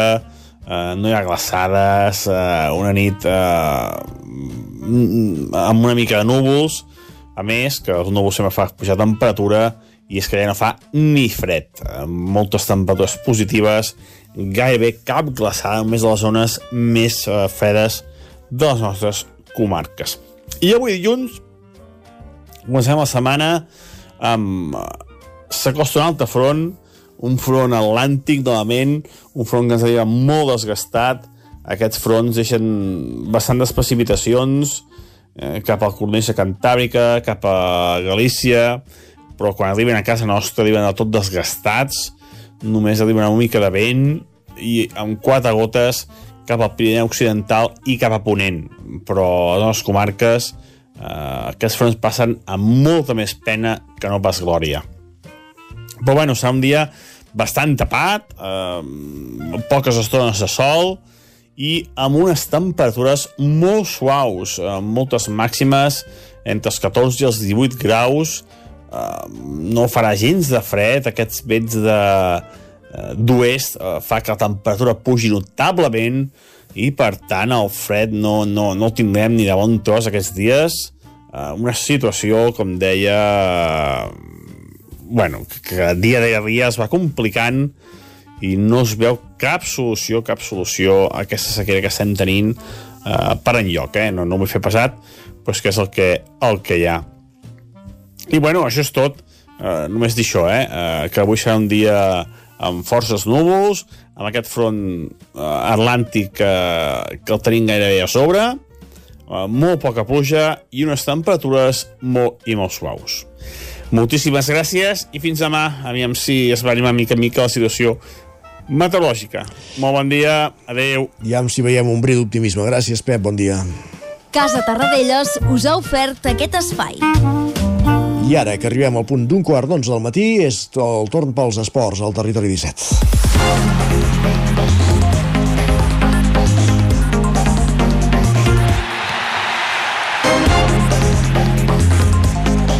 Els esports, ja sabeu, roda esportiva cada dilluns i cada divendres. Els dilluns per repassar què ha donat de si el cap de setmana esportivament parlant a les nostres comarques i una roda que comencem als estudis de Ràdio Televisió Cardedeu on hi tenim l'Enric Rubio. Benvingut de nou, bon Enric, bon dia. Bon dia, i bon dia amb raó, Isaac, i és que Iam, no iam, creuràs el que et porto avui. Sí, sí. Tot Mira, victòries, ja ho veig, ple. Tu escolta, quatre victòries, un empat i una derrota. No has escoltat això des de que jo estic al T17, et No, sembla? sem sembla que no. Anem a veure, va, comencem pel futbol, amb el primer equip del Cardedeu, que va jugar dissabte contra el Blanes fora de casa i va guanyar per 1 a 2, mentre que l'equip filial va empatar també a casa dos gols contra el Lliçà d'Amunt. Si ens quedem al futbol, però anem cap a la capital de la comarca, us hem de dir que el, Granyo- que el Granollers no ha guanyat, sinó que ha superguanyat a casa a la Lliga Elit, que amb un marcador final del partit de 6 a 1. Així que poca broma. El Palamós aquesta jornada, que és contra qui va jugar, diguem que ha estat eh, l'ha tingut per oblidar. I si mirem el bàsquet de la capital ballesana, també porta una victòria, i és que ha guanyat contra el Fiui Bàsquet Ciutat d'Inca per 85 a 63. També han guanyat les de l'embol del CAC Sec Granollers, per un lluitat però contundent, això sí, 34 a 27. Però qui aquesta jornada no ha pogut aconseguir una victòria, i sí, sí, sé que avui el resum sembla el món al revés, però és que han estat les de l'embol Cardedeu, que han perdut contra el Sant. Joan d'Espí. És l'excepció, sí, la sí. regla, sí. Han quedat 34 a 27, però bé, en fi, ja tocava canviar les cartes com a mínim per una, per una jornada. Jo crec que convenia a tots una miqueta. Sí, sí. Ja ho tenim, això. Perfecte, Enric. Moltíssimes gràcies. Gràcies, Bon Isaac. dia. Bon Roger Rams, zona codinenca. Com, com ha anat Ah. la cosa el cap de setmana per aquí? Aquests varals. Bé, però... Bé, bé, però esclar...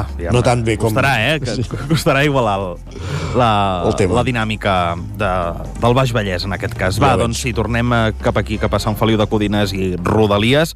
I comencem, com sempre, pel futbol. A la primera divisió catalana, el Caldes ha començat el 2024 amb una derrota per 3 a 2 al camp del Can Givert de Girona.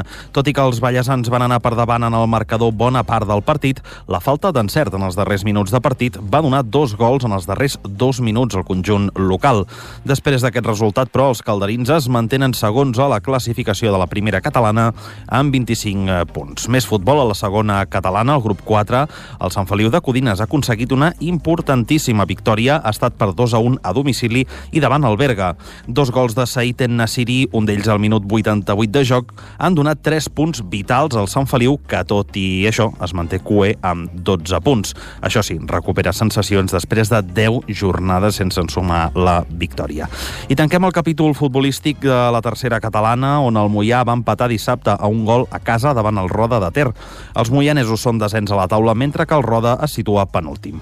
Parlem ara d'hoquei i patins. A l'hoquei Lliga Masculina, el Caldes va treure un valuós empat aquest dissabte al vespre a la pista del Noia. Els calderins van fer mèrits per guanyar ja que bona part del maig van dominar el joc i també el marcador.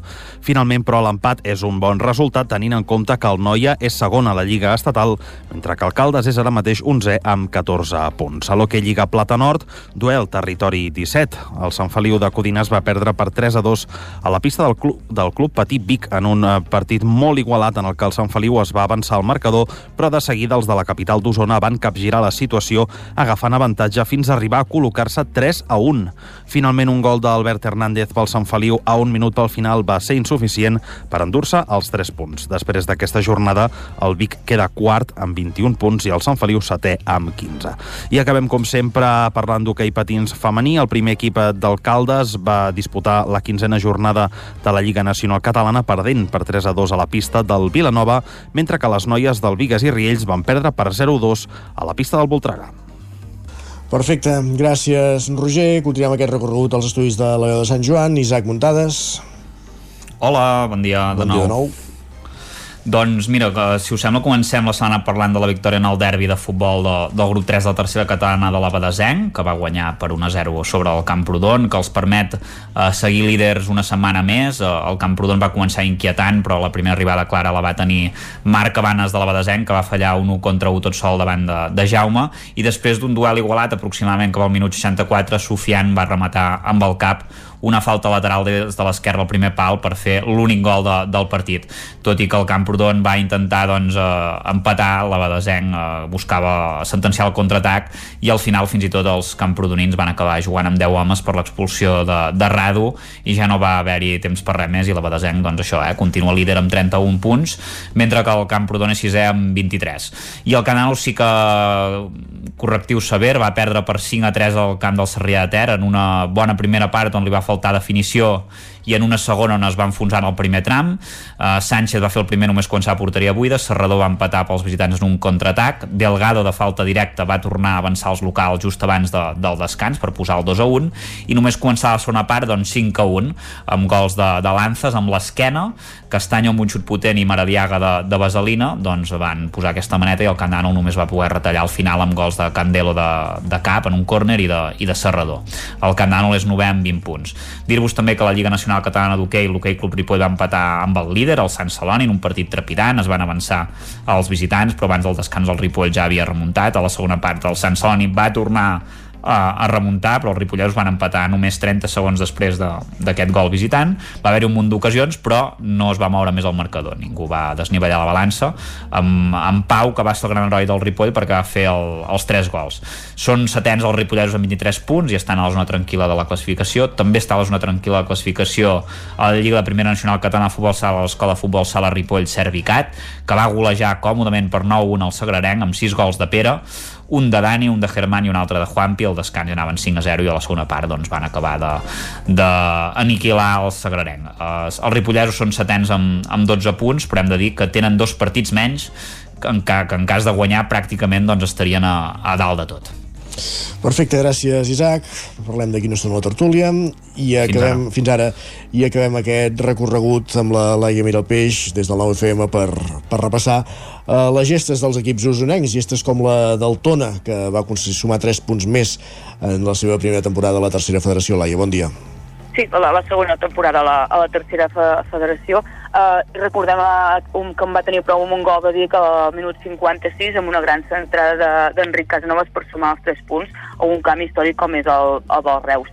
Un Tona que es manté la tercera posició, que s'hi consolida, ja uh, treu un avantatge de 4 punts amb el quart classificat, que és la, la muntanyesa, Uh, amb els primers hi té una mica més de, de diferència, 8 punts amb l'Hospitalet, que és primer, i 5 amb l'Olot, que, que és segon, però el Tona que, Castellà, que li estan sortint les, les coses bé, i que dissabte davant del Reus doncs, eh, em va tenir prou amb aquest gol de Didier, que va fer la seva feina, va fer de, de davanter, va posar la cama quan tocava, i se van portar aquests 3 punts. Molt bé. També va sumar els 3 punts al Vic Riu primer eh, femení en aquesta tercera federació, uh, un Vic Riu primer que acaba la primera volta amb 4, amb, a la quarta posició, també doncs, uh, bones notícies pel conjunt usonenc, que també va guanyar per la mínima, va marcar la capitana, uh, Núria Sala, en un duel on el Vic primer va dominar, però va costar uh, introduir la pilota al fons de, de la porteria i cal destacar doncs, que una setmana més uh, Macià va aconseguir doncs, uh, mantenir la seva porteria zero i aquesta temporada, o aquesta primera volta ja en van, en van unes quantes. Lliga Elite, el Vic, que, que va superar el canvi de led. Va empatar, sí, va empatar amb el canvi. Va empatar, va empatar a dos, el, el conjunt de Ramon Carrascal guanyava 2 a 0, però es va adormir una, una mica, va tornar a mig gas de, de les festes, i el conjunt de, de canvi de doncs, que va empatar el partit a, eh, amb un gol a la mitja hora de joc i un altre just començar la, la segona part. Hi havia temps encara per, capgirar o per tornar-se a avançar al marcador, però el Vic es va, es va encallar, no va trobar doncs, el, el bon estat de forma que havia acabat la- l'any, el 2023, i va sumar aquest punt que malgrat tot el, el deixa sisè a la classificació amb 21 punts a estar allà i, i té encara opcions per, per seguir a dalt. Victòria, això sí, del Manlleu a la primera catalana i que és campi acaba com a campió d'hivern. Sí, queda encara una jornada per acabar la, la primera volta, però amb els resultats de- d'aquesta jornada, amb, amb la- el- el- l'alcalde que doncs, va perdre punts, eh, el caure contra el Can Givert doncs, deixa el Manlleu amb 5 punts d'avantatge sobre el segon classificat, aquest Caldes que comentàvem, i que precisament serà el rival que jugarà la setmana que ve el conjunt de Manel Sala, que per tant una victòria a domicili podria fer que els manlleuencs encara ampliessin més la- l'avantatge. Ahir diumenge contra el Basconó va guanyar per eh, va guanyar per 1-0, volem dir, uh, en un partit on en va tenir prou també el, el Manlleu per amb un gol de, de Lluís Martínez just a les acaballes de la primera part per marxar amb el descans de l'avantatge i a la segona part doncs, va mantenir aquest, aquest avantatge que li va valdre els 3 punts al final del partit. No va haver-hi tants bons resultats eh, quan parlem d'hoquei, tot i que sí que el Manlleu femení va guanyar eh, el seu partit eh, davant el contrast de la Lliga Europea. Eh?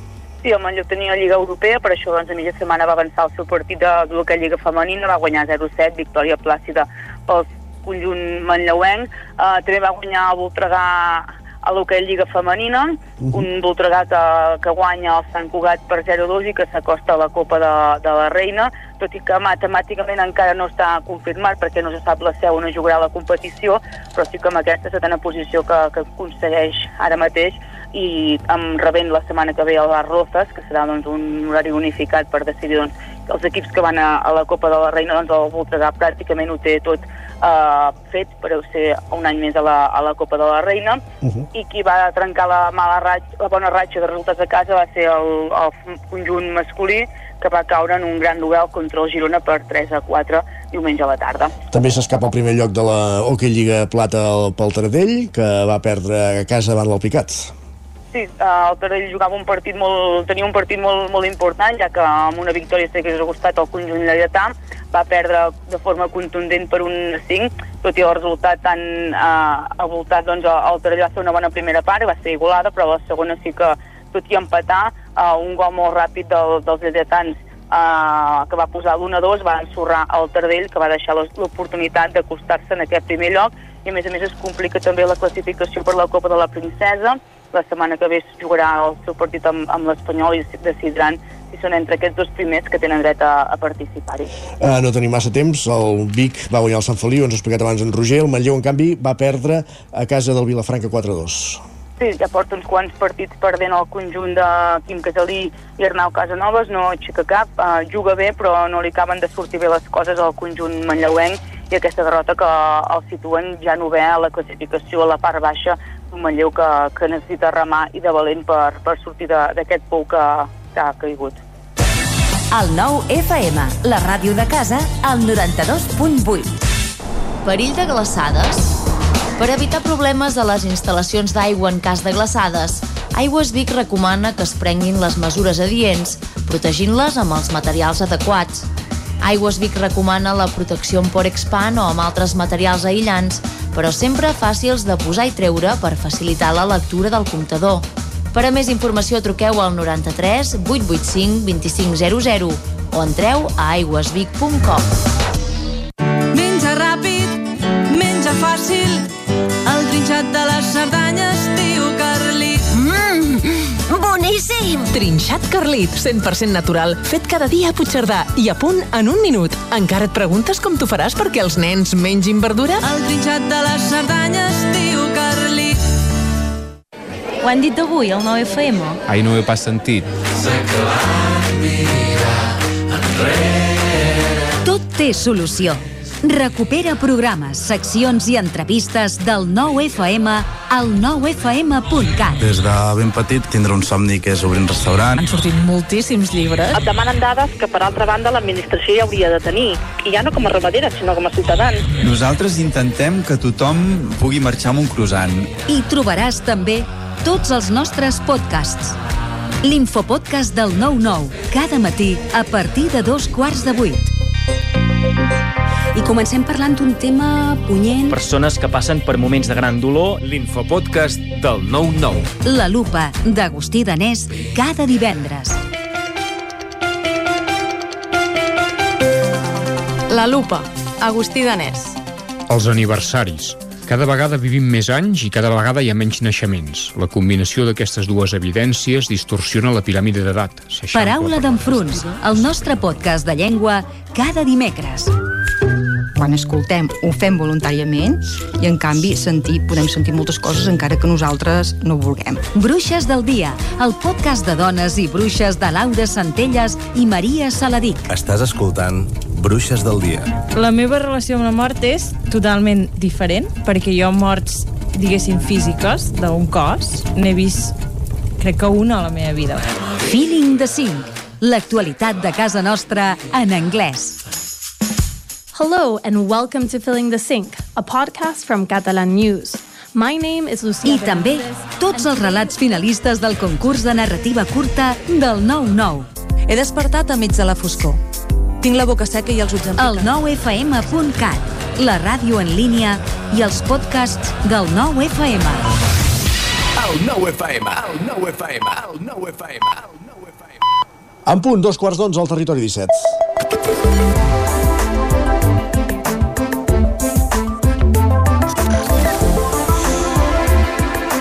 Guillem Sánchez, benvingut, bon dia. Què tal, com estem? Bé, i tu?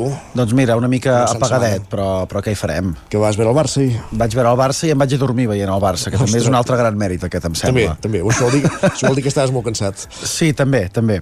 Sumat això, amb el fet que avui és aquest, eh, això que anomenen Blue, Blue Monday... Això, això m'ho han dit, només d'arribar aquest matí a Vic, dic, eh, però no va ser dilluns passat, això. No, no, no, és el tercer dilluns de l'any. És el tercer, d'acord. Com que el dia 1 érem, érem dilluns, mm. 1 i 7 són 8 i 8 i 7 són 15, per tant toca, toca em saps aquest. em saps de de fet, en Jaume ens ho, ens ho recorda i ens diu cada dia és Blue Monday, amb aquesta alegria i amb aquestes ganes de, de viure, només faltaria. Oh, tant. La Marta ens fa una petita broma també i ens diu Blue Monday et deixa en vist un dilluns, pels que no sapigueu anglès i alguna cosa més. Home, que et deixin en vist també un dilluns i no et diguin res més ja, en tota la setmana, eh, també té, té tela. Sí. I altres usuaris hi aporten el següent i ens comenten va, que el dilluns comença sense informàtica a l'empresa. Doncs mira... Sense informàtic vol dir sense res, bàsicament. Sí, correcte. Hi ha algunes empreses que sense ordinadors i sense, sense tot, tot el que hi va relacionat, eh, malament. Va, i de coses que no funcionen a coses que no s'entenen. Isaac, Ah, la. Susana ens el explica... Barça, el Barça no s'entén, però part d'això. Mira, de deixa'm dos, tuit, dos, dos tuits i entrem al Barça.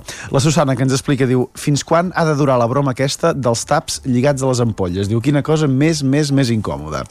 És saber-hi trobar l'aire, ja està. Llavors ja ens acostumbrem i... De fet, hi ha, hi ha gent que diu Uh, està fet perquè recicli, beneït sigui. I ella mateixa respon, diu, mira, si ets una mica curós, llences el tap amb l'ampolla, que tampoc és difícil. Diu, però és que si has de veure a galet així, et menges el tap. Bé, són coses que poden passar. Però va, és dies de- d'entrar avui en temes futbolístics, no? Una, una, una miqueta. Sí. Usuaris que ens escrivien ahir. Diu, acabo d'aterrar ara mateix a l'aeroport de Barcelona. No he vist res del partit, ni tan sols sé el resultat. Què faig? Res. O, es, o esteu alegres i contents celebrant-ho, o esteu tristos i enfadats. Però diu, al no saber-ho, estic tan tranquil·la i que bé. Ho Ve- veieu? Vés a dormir. Ulls que no veuen, cor que no sent. La gent es consola amb qualsevol cosa, eh? També s'ha de dir que una mica d'humor sempre es posa bé en aquests casos. Usuaris que ens escriuen Ara tampoc siguem tan catastrofistes. El Barça ha tingut 5 minuts molt bons. És que jo vaig arribar a casa, em sembla que era el minut, el minut 7, sí. i clar, ja vaig veure l'1-0 directament allà palplantat Sí, al marcador. Vas i... perdre els 5 minuts bons, vols dir o no? Correcte, sí. Crec que no els vaig enganxar. En Gerard també ens apunta, diu, de tocar sostre a la Supercopa 2023 a tocar fons, o no, a la Supercopa 2024. Per cert, diu cap argument tàctic de Xavi a la sala de premsa. Preocupant, però gens sorprenent. És que és un nom a comentar, eh, avui aquest. Em sembla, Isaac, el d'en Xavi. Portem setmanes ja, em sembla, eh, que Sí, sí, hi ha sí. gent que, que té ganes de coses, però, però avui potser encara més. En Carles també ens diu hem de fer autocrítica, capítol 632. Dic, potser que parem de fer autocrítica i comencem a jugar bé Potser que parem de dir que fem autocrítica i la fem.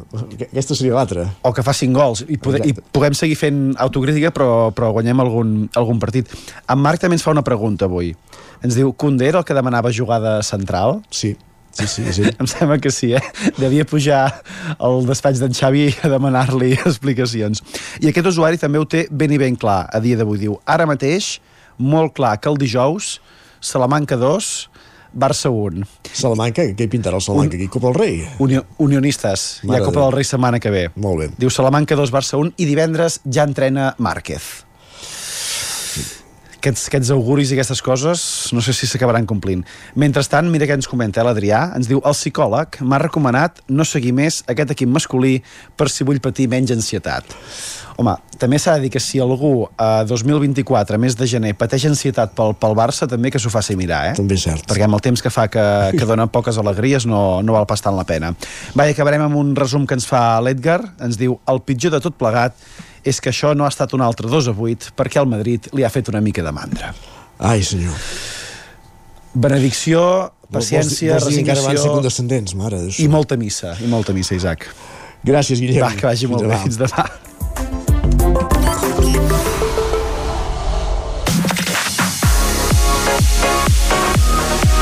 Territori 17. 4 minuts i mig que passen de dos quarts d'onze del matí i ara més Barça-Madrid a la tertúlia esportiva.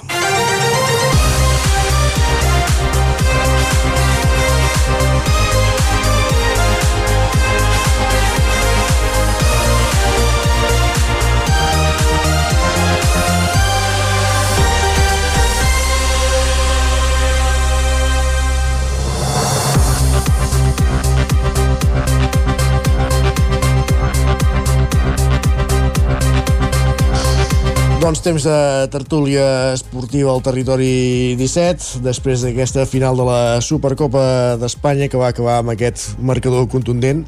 Madrid 4, Barça 1. Eh, evidentment, avui l'Isaac Muntades està eufòric, eh, ja se'ns ha vestit de blanc fins i tot, els que ho pugueu veure a través d'alguna pantalla. També ens acompanya l'Agustí Danés, en Lluís de Planell, la Laia Miralpeix. Benvinguts tots quatre. Posa't dret, Isaac. És, és la samarreta i prou o, o vas tot l'equip? Espera't un moment, eh? Ja em posa't dret, que ho vegi la, la gent, també els miren per la tele. Bellingham. Ui! Ja hem fotut la càmera a terra. La càmera... No sé si es veia, és, és la del Bellingham. Sí, sí, sí, sí que s'ha vist, sí. Sí, Uh, càmera a terra. què, estàs content, Isaac, oi? Sí, sí, sí, estic content, estic content. Bueno, aviam, ja sabia que guanyaria. Sí, sí, sí, era, era una qüestió estadística purament, eh, que guanyaria el Madrid, perquè el Madrid... Només des de que hi estadística? ha aquest no... Sí, no, us, us ho explico ràpid. El Madrid, des de que es fa la Supercopa en aquest format, va guanyar el primer any, va perdre el segon, va guanyar el tercer, va perdre el quart, per tant ara tocava guanyar, i a més a més eh, mai un campió de Lliga havia guanyat la Supercopa en aquest format, com que el Barça era campió de Lliga, evidentment no la guanyaria, Tampoc havia fet cap campió de Copa fins ara, que era el més curiós de tot, però bueno, en aquest cas s'ha trencat la, la ratxa, però estava clar que guanyaria. El qual és preocupant perquè vol dir que l'any que ve, com que guanyarem la Lliga, segurament ho tindrem difícil, però per això el Madrid està per trencar aquestes estadístiques no? i fer el segon títol seguit. Bueno, l'Isaac és el que sap més d'estadístiques de, de la tertúlia, per, Sí. per descomptat, i jo diria que del Ripollès també. En sap, en sap molt d'estadístiques. Uh, què hem de dir, Isaac Moreno? Què vols que diguem? No ho sé, eh, que això no s'aguanta per enlloc, però ja, això ho, veu tothom, ser un no? bany, no? Ho veu tothom. Sí, jo, jo dues coses. La primera, eh, vaig tenir sort perquè aquesta feina, té, la feina de periodista té moltes possibilitats sempre, i una és que et toqui treballar el diumenge. Llavors a mi ahir em va tocar treballar i per tant no vaig poder veure el partit. Vaig tenir la sort de, de no veure el partit. Aquest és el punt número 1. Però sé, sé com ha anat, diguem, no? I llavors, a l'hora de fer una anàlisi d'això, doncs no, no hi ha discussió. A vegades hi ha partits d'aquests eh, clàssics, no?, que, que ells sempre van envoltats de polèmiques, de decisions arbitrals, de tal, no hi ha cap excusa. Vull dir, el partit va durar 10 minuts i la resta doncs era per uns un martiri i pels altres una passejada, no? Llavors, eh, amb això està tot dit, diguem, el Madrid va guanyar clarament, és un just campió d'un trofeu menor, perquè quan fem el... Però això ho dic sempre, eh? Vull dir que quan fem... El que, no, el que... Això sí. Això ho dic sempre, és un trofeu menor, i, però és veritat que, que, que també suma i que, i que té molts efectes lesius cap al Barça perquè el que ja intuïem no, des de fa setmanes allò que aquests partits que van tan justos i al final contra l'Almeria acabes guanyant a l'últim llavors quan et trobes un rival de veritat doncs eh, queden amb evidència totes les mancances, no? I per tant això és molt preocupant ja en aquestes alçades de la temporada. Dit això, l'any passat va, va passar al revés, no? Que el, el Barça va guanyar 3 a 0 o 3 a 1, sempre dic 3 a 0, em sembla que al final era 3 a 1, amb el, amb el Madrid la, la Supercopa i, i va ser un punt d'inflexió eh, també, no? Aviam, aquesta vegada mm, la, la, la derrota i aquesta frase que ha anat repetint també abans en Guillem Sánchez, no, d'en Xavi, de dir hem de fer autocrítica, hem de fer autocrítica. Bueno, sí, ja està feta l'autocrítica, no? S'han de recuperar les... Però falta veure si hi ha capacitat per revertir això. Jo crec que abans en l'Isaac Moreno ja... L'Isaac Moreno també ja demanava la destitució de l'entrenador... Bueno, de, Jo no he dit res. Sí, de dir, hi ha gent que espera, esperen decisions. Jo crec que per aquesta competició per, per aquesta competició i a aquestes altures jo crec que no, que no caldria fer res però, però mm, però, Jo però, tampoc, que en Xavi es quedi, no, sisplau. però s'ha d'estar atent s'ha d'estar atent, perquè ara quan mires la classificació, per exemple, el Barça ja és quart té, té un partit menys, però el Tic de Bilbao l'ha- passat a davant, no?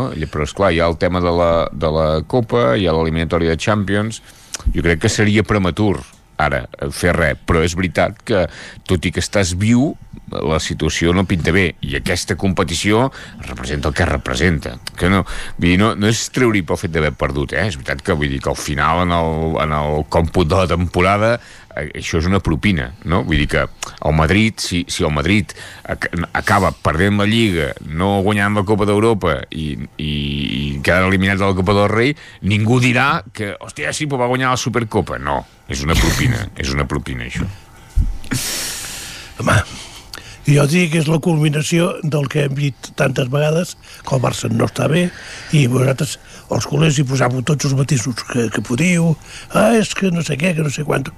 Eh, hi ha dos equips en forma, malgrat el que va passar al Maria, hi ha dos equips en forma, que són el Girona i el Madrid, un n'hi va fer quatre i l'altre n'hi ha fet quatre, també. En el Barça, vull dir. sí, sí, Vull dir que mm, no ho sé si a partir d'aquí llavors encara penseu que podeu guanyar la Lliga i la Champions la Recopa no, però eh, la Copa del Rei i tot això, no sé si ho penseu. Sí, jo penso que, que falta una mica de temps, s'ha de donar una mica de temps, per, Hòstia, ja dic, ja per, per, veure, per veure eh? això, que, que és veritat totes les sensacions no són bones, que, que et vas aguantant pel, per, per l'escut i per la qualitat que la tenen d'alguns jugadors, no? la qualitat individual, i, i això et permet anar-te mantenint allò, anar surant, anar surant, no? Sures allà com, com un flotador al, al mig del mar, però clar, llavors hi ha un moment en què eh, es, es desinfla el flotador, clar, i ahir jo penso que aquests dos gols tan ràpids, això... I el partit va ser això, vull dir, a partir del minut 10 no? I les contres, els contraatacs super mal defensats del Barça amb una defensa molt avançada, però pràcticament cada jugada es plantaven davant de, del porter. Jo crec que era molt important el partit d'ahir pel Barça, eh? no el trofeu en si, que estic d'acord amb l'Agustí, que, que no deixa de ser una, una propina, no? una més a més de la temporada, evidentment, però important, perquè si el Barça guanyava aquest partit, doncs podria haver anat cap a un ritme més ascendent no? i afrontar amb garanties aquesta segona part de temporada, però el perdre ahir eh, en Xavi ha quedat eh, bueno, al costat del precipici pràcticament eh? L'ha- l'ha de- d'empènyer algú no sé si serà en la porta qui serà qui, qui, qui l'empantarà perquè jo, jo crec que no, eh? que el mantindran fins a final de temporada perquè el Barça també costa fer aquestes bueno, No, i la qüestió és que tampoc hi ha, cal, no hi ha calés. Sí, aquests escarafalls. No, i a part que té dos eliminatoris, a veure, la Copa del Rei, l'eliminatòria, aviam, va tenir bastanta sort amb el sorteig, li va to... tot i que mai se sap, eh, perquè a vegades aquests partits eh, pot, pot ser desastrós, eh, perquè si quedés eliminat de la Copa del Rei seria desastrós. Llavors, Però també l'eliminatòria la de Champions, Agustí li ha tocat l'equip amb menys, que ara mateix està en menys forma d'Europa. No sé quan hi arribarà Ja. llavors, però el Nàpols ara mateix és un equip que, no, que, que està pitjor que el Barça realment. Vull dir que, que mira, amb això ha tingut sort. Ah, el que passa és que és una arma a doble tall, perquè si perd aquests partits, clar, voldrà dir que el Barça és un equip ara mateix que, bueno, que no està ni per competir ni, ni, a, ni a la Champions ni, ni quedar els quatre primers a la Lliga, que això seria greu, eh? La pregunta que em faig jo és, el, en Xavi no havia vist el Madrid? No sap que en Vinícius ja no juga ben bé per la banda i per tant no, no volia no calia posar l'Araujo a, a marcar-lo? Per- perquè per mi aquesta va ser una de les claus perquè pel centre eh, el, el Madrid va fer les, du de les dues contres que van ser els dos gols. I a més un altre que va, va treure el porter vull dir Sí. que encara en podia haver fet tres. I llavors vull dir tot, totes van passar pel mateix cantó. I alguna que no va arribar perquè l'Araujo hi va ser a temps però l'Araujo era la banda.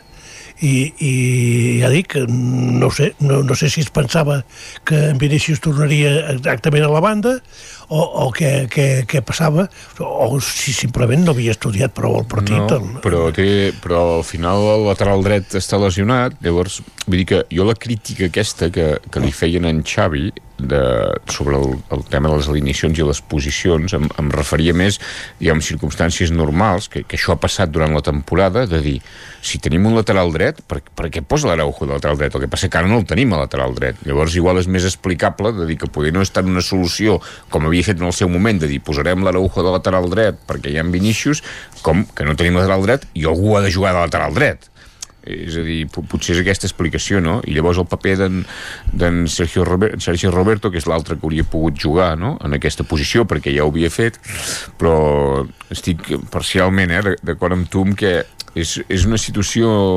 eh, l'entrenador hauria de tenir clar quin és l'11 i si hi han lesions doncs eh, substituir aquestes lesions, però hi ha un excés d'improvisació i, i d'invents i, i l'equip i, i, una, i una part de, gairebé de frustració amb el sentit que aquesta dada que donaves, no? dir, el Girona li va fer 4 gols i el Madrid 4 gols quan l'any passat, però, però l'any passat vol dir fa uns mesos només, perquè la temporada va, va acabar el mes de juny, el, el punt fort del Barça era precisament la fiabilitat defensiva i els jugadors són els mateixos i ha, i ha canviat el porter però els jugadors són els mateixos no? Vull dir que ha- Però el porter ha- ha- també s'hi nota, eh, Agustí? Sí, el, El porter crec que és un- molt important, eh? El, el porter i, un, i, una altra, i una altra cosa, crec jo, que, que, que, que no és defensa però, però que equilibra l'equip, que és amb Busquets. O sigui, que, no? De dir, Tant bueno, que però, i al sí, final, Sí, eh, però, però aquest no és defensa. Sí, sí, però aquest és una, un, un, un pivot, una Bueno, boia que està allà i que, i, que, i, i, que, i que va equilibrant l'equip. I ara no hi és. I de dir, bueno, però els I són els mateixos, sí, però aquest no hi és. I aquesta i posició Gavi, és, amb el futbol és molt difícil, perquè aquesta posició és una frontissa, no?, que serveix per atacar, serveix per defensar, serveix per baixar la línia, pujar-la, i, i aquesta figura, efectivament, que hi havia un dia que es havia d'acabar, no?, és un tema de, biològic, no?, però sí, sí. aquesta figura jo crec que és un altre punt De a totes tenir en maneres, compte. el, el tema del porter, eh, jo ja entenc que és difícil suplir eh, en Ter Stegen, eh? però Ter Stegen aquesta temporada no estava, quan jugava, no estava al ritme no. de la passada. Eh? I, I el porter tampoc ho ha fet malament. O sigui, no crec que hagi estat un porter de dir, ha fet cantades, no, però no ha portat aquell... No? Plus. Ter Stegen salvava gols, no? Para- és això. parava coses Vull que dir eren difícils que, d'aturar. Que no sé si són parables, però vull dir que el, això en els primers 10 minuts, que ja dic, eh, que no, fas dues parades allà, no? Mm. I mantens 0-0 i llavors vés a saber què passa. Però, Ara, clar, jo, jo penso que el gol de, de, del Barça en Courtois de, potser també se'l treu, eh? Sí. Mm, no ho Perquè- sé, eh, perquè jo, jo l'he vist repetida i l'arriba a tocar, eh, l'Unin. Jo, la, jo trobo que era difícil eh, d'aturar perquè passa pel costat de dos eh, jugadors, crec que la toca fins i tot un jugador del Madrid i l'acaba de desviar una mica i jo la veia complicada, eh? poder sí, eh? no et dic que no, eh? però jo crec que en l'Unin ahir va fer-ho molt bé. La, la veritat és que els jo, jo no, no critico sí. pas el porter, el que passa és que en Courtois, quan la temporada Sí, pot ser que passada l'hagués aturat, en Ter sí. Stegen feien parades Sí. d'aquelles que, que, Sí, que sí, eren sí. increïbles. Sí, sí. Pot ser, pot ser. I ara Bé, això amb aquests dos porters actuals no passa, paren Entenc. el que han de parar i, i que, i que, Home, que està molt bé, la però... mitjana, sí, sí. Exacte. Però, Sí. però pot, potser, potser no estan en aquell nivell tan extraordinari que estaven aquells dos porters Bueno, en el seu i- moment la temporada passada. I el Madrid també en té dos de porters que, així que són bons ara, clar, per substituir en Courtois, que el Barça, clar, té, el, aquest, té l'Iñaki Peña, que era un jugador que fins el, aquest any pràcticament no havia jugat a primera divisió. Clar, això també es, no, es nota, no? És veritat que els del Madrid no havien jugat molts partits, però sí que havien, bueno, ja portant més anys en dinàmica de primer equip, en Kepa sí que havia jugat més al Chelsea, no? Bueno, és complicat de, tot plegat és, és complicat, però sí que el Barça realment jo, a part d'en Busquets que deia l'Agustí, sí que trobo molt a faltar en Gavi. És un jugador molt, molt important però, però el Barça en Pedri no està com estava abans de les lesions. En Pedri va fer una primera temporada molt bona, el van matar, el van fer anar als Jocs Olímpics, el van fer anar a l'Eurocopa, i des de llavors mmm, les lesions s'han acarnissat amb ell i, i bueno, el, el, i, i el Barça és un equip doncs, que clar, en Lewandowski sí et fa gols i això, però ja no és el d'abans eh? també te'n pot fer, eh? I te'n va fer un de molt bo i això, però ja no és el d'abans. Laia. No, jo, jo com l'Agustí tampoc vaig poder veure el partit, però sí que després doncs, vaig estar mirant resums i, i escoltant una mica doncs, el, el, que, el que es movia. Uh, parlant del tema porters, no sé si ara potser trobarem a faltar l'Arnau Tenes, no? Uh, mm. Es va apostar per, per l'Iñaki i Penya, doncs potser ara uh, algú se'n penedeix no? d'haver-lo de, deixat marxar. I el tema Barça, jo estava convençuda que guanyaria el Barça. Pensava, mira, ja començaran a... serà el partit que, que capgirarà la situació, tan malament, tan malament, anaven de víctimes, però, però vist el que va passar, doncs poder si realment està, està malament, no? perquè no és que no s'aguanta uh, cap, cap línia i no sé, que duri. Que duri el què? què ha volgut dir que duri? Perquè així no, no parlem tant de l'espanyol, que també té ala, però que duri, que duri. Home, sí, exacte. Des d'aquest punt de, de vista blanc i blau, és lògic que ens està molt bé que el Barça estigui en aquesta, en aquesta situació. També sabem, i vosaltres sabeu, i la Porta sap, i en Xavi també ho sap, que si no el fan fora és perquè no hi ha calés per pagar un entrenador, sí. entrenador o per pagar per no, no, perquè, perquè podrien posar Márquez, però, eh, però jo crec que no és... Què, que, està fent el Márquez? Però jo crec que no és procedent, sí. no és procedent canviar l'entrenador ara, ara, en, en, per, per la Supercopa, no? Per haver perdut amb el Madrid. Ara... Si t'eliminen els de Salamanca, llavors sí? Bueno, llavors poder sí. Llavors, llavors ja seria... Sí. Ara, si el Madrid li arriba a fotre però, 7 o 8... Però és una hipòtesi, què? és una hipòtesi aquesta, que bueno, els partits s'han de jugar, però diguem que si tu i jo tinguéssim una casa d'apostes, eh, pens pensaríem que... Ah, que jugarà un equip titular. Pensaríem que... Ah, que jugarà un equip titular, Home, Salamanca. Per, per, des, per descomptat, Hòstia. per descomptat. Per cert, l'Unionistes va fer un tuit ahir, fa 11 hores, que diu Creemos. Creemos. Ahir, ahir, fa, ahir a les 22.53. No sé si tenia alguna relació amb el partit de... és, un, és, un, és, un, part, és un partit perillós, aquest, eh? perquè... Molt, és que jo crec que aquest per, és el partit, és l'Alcorcón, eh, aquest? Sí, és un partit perillós, no, no per, no, no per l'entitat del rival, que no en té, sinó precisament per això, per cap contrari, perquè és la iaiai, perquè i sí, i sí, i sí, i, el, i, i, la, ja i, i, i la por la, la por en tots els àmbits de la vida, eh? la por immobilitza i, I perjudica. El, I el, el Madrid va tenir problemes amb aquesta gent, eh? amb la Copa del Rei. Sí, fa un parell Problemes perquè els van anul·lar algun gol. No, no, perquè em penso que van quedar 2 a 4, em penso. Un, 1 a 3. Doncs... Van quedar 1 a 3 i, i, i el Madrid es va avançar, van empatar, crec, 1 a 1, i llavors va, va guanyar bé el Madrid. Vull dir que, vull dir que eh, no, no, no, va marcar en Bale aquell dia. No, no, eh, estem parlant de Copa del Rei, que, que, que passen sí, coses. Sí, passen eh? coses, passen no coses. Bueno, això, eh, però... Ja ho sap, l'Espanyol el van eliminar també, no? Per un equip de primera. No, clar, l'Espanyol és de segona. El Madrid... que aquest va ser una, era un resultat lògic. Exacte. el, Madrid, el Madrid, en canvi, tots li ponen, eh? El Girona va empatar Home. al camp del QE, eh? El Girona, que és la, el segon equip de Lluís, que no sé en Guillem, com va acabar això de oh, Freixa? Oh, ostres, és veritat, no hi és... Bueno, en fi, és que... Però hi ha resposta, eh, de Guillem Freixa, ja si la podem recuperar ràpidament. Ah, no sé res. De fet, de fet havíem de, havíem de començar la tertúlia amb això, però... Hauries de posar un context, això, que la setmana passada en, en Lluís es va queixar sí, sí. que convidessin a l'Isaac, aficionat del Madrid. A veure, a veure els partits del Girona... I en Lluís, que ja hi anava a l'època... Doncs, doncs tinc bones notícies per en Lluís, eh? Escoltin, escoltin, va. Va, va, va. Una puntualització, ja. aquestes informacions sense la meva presència. Uh, primer de tot, a, a l'Isaac Muntades, més enllà de colors, uh, hi havia un compromís personal d'un dia a veure el Girona i, i va coincidir que aquest dia doncs, ens, ens anava bé tots dos i, i vam poder-hi anar. I d'altra banda, ell comenta això de les 3 o 4 vegades que li ha cedit al seient, s'ha de dir que dues d'aquestes vegades van ser a segona divisió a segona divisió A. Recordo un partit amb l'Alcorcón plovent, vull dir que també ha anat en partits que no són de primeríssim nivell. I l'any passat sí que li vaig cedir uh, les entrades uh, un parell de, de vegades uh, i crec que una hi van anar els seus, els seus pares. I d'altra banda, dir que, òbviament, jo em comprometo amb el Lluís de Planell ell un dia a anar a Montilivi a veure un partit de futbol de primera divisió uh, i l'Agustí, la gent del territori 17, que, que hem parlat tant de futbol. La gent de futbol se l'ha de portar a futbol i agafa el compromís de, de, de portar-los i de portar-vos. I, I res, que espero que estigueu tots bé i sí. Doncs això, eh, que aviat tindrem en Freixa per aquí, però que es compromet a portar la gent de futbol, ja ha citat explícitament Lluís de Planell i Agustí Danés, a veure un partit de primera Montilivi, eh? Farem goig, eh, Lluís? Mare Farem goig allà a Montilivi.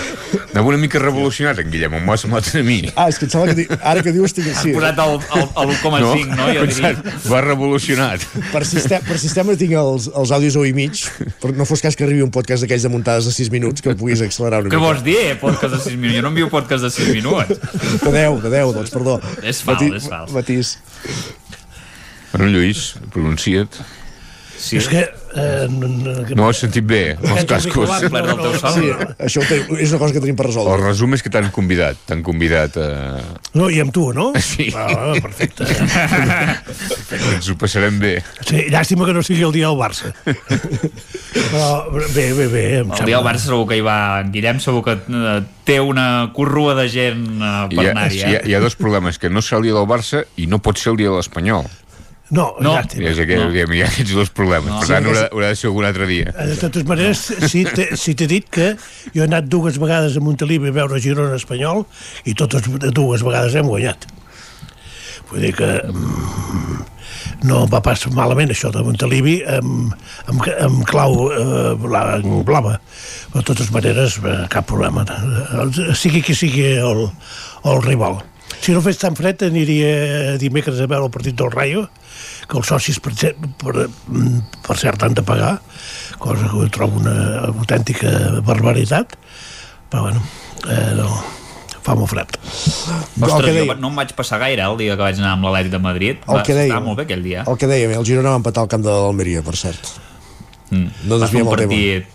Jo el vaig veure, el partit del Girona, vaig poder-lo veure, i, i és un miracle que el partit acabés amb, amb l'empat perquè el Girona a la primera part li van xutar tres o quatre vegades molt clares que real, una realment no, encara no sé com va fallar perquè l'efecte òptic semblava que havia entrat a, a un metre de la porteria un tio va rematar amb el cap contra el, la pilota contra la, contra la gespa quan era més fàcil ficar-la vull dir, realment el Girona es va salvar i aquests partits l'any passat els perdia aquest any un partit horrorós doncs eh, el va salvar i com va anar el partit i amb l'expulsió al final que era bastant clara jo crec doncs eh, es va salvar i, i va treure un punt ara. També és veritat que era el cué que aquest partit teòricament veient com està encara que bueno, l'hauria d'haver guanyat però el va, el, va, el va treure endavant i evidentment jo crec que el Girona mm, si la primera volta va fer 49 punts no? em sembla que va- 48 o 49 ara no recordo.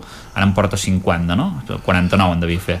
Doncs aquesta segona jo crec que ho tindrà difícil per passar dels 30 o, el- o els passarà justet sí, eh, eh, ho, ho sabem tots. Hi haurà, hi, ha- hi, ha- i no és un baixón fer 30 punts a la segona volta. Ostres, és, és guanyar bueno, és guanyar forces partits també, o 30, 35 com a molt, o sigui, no, no arribarà al nivell de primera volta, és impossible Ara en té 49, eh? impossible Ah, en té, 40 en té 49, ara? Sí, sí. Totes maneres, Així, el- així en tenia 48 a la primera, sí. Doncs, totes maneres, eh, jo vaig veure bàsicament l'última mitja hora i el que li és... O sigui, no, entenc perfectament que l'Almeria vagi eh, cué i que Sí, no hagi guanyat cap partit molt. perquè mm, desaprofitar les ocasions que van tenir això és, és propi d'un equip que, que se'n va eh, a segona de, Segona. de, de pet. Vull dir que I, és, i, I els últims 10 increïble. minuts, Lluís, que se, se coincidiràs amb mi que quan van jugar amb un home més és quan va jugar pitjor l'Almeria. Exacte. És que va ser quan el Girona, va, va ser quan el Girona tenia la pilota. Sí, sí, sí, que dius, ostres, és, O sigui, és el Girona es defensava al camp de l'Almeria. Vull dir que mm, eh, si algun equip fa mala pinta és, és l'Almeria, això sens dubte. L'Almeria ho, eh, baixarà segur. Bueno, l'Almeria no ha guanyat cap partit, no? Exacte. Clar, No, no, llavors no, no, no. no. aquí gairebé està tot dit, Clar, no? Vull dir que l'Isaac pot especular amb els punts que farà el Girona, però és que L'Almeria, si arriba a 20 punts, també serà molt. l'Almeria ni També fent els... No, o sigui, si has de fer 40 punts eh, per salvar-te habitualment, és impossible que l'Almeria arribi en, en aquests nivells. Bé, No, no. impossible, improbable, no? Seria més És que ha de correcte. guanyar 12 partits. Però no, 12 això partits no... o menys. No, i, i, i l'Almeria en el seu dia, ara no, però en el seu dia va complicar la vida a Barça i Madrid, per exemple. Vull dir que no, no, no, no els hi ve pas de nou, això. El que passa és que bé, aquesta temporada no se'n surten, i això que tenen homes importants a davant, però bé, eh, la cosa no, no funciona i, i ja està. És que van I, fer bé van ser en Rubi i en Jaume Torres, no? El nostre amic Jaume Torres d'aquesta temporada no estar-hi, l'any passat van salvar l'equip i aquesta temporada doncs no, no hi han set. Agustí Danés, Lluís de Planell, hem de deixar aquí Lluís, sap greu, eh? Se'ns ha escurat el temps. Uh, No pensava que fos tan tard. Sí, i Laia Miralpeix, gràcies a tots quatre i ens retrobem dilluns. Vinga, a la Bon tarda, dia. Lluís, a la tarda, a la tarda podràs continuar a la tele. El Territori 17 hi torna demà a partir de les 9 del matí. Fins aleshores, gràcies per ser-hi. Bon dilluns. Adéu-siau. Territori 17, un magazín del 9 FM, Ona Codinenca, Ràdio Cardedeu, Ràdio Vic i La Veu de Sant Joan, amb el suport de la xarxa.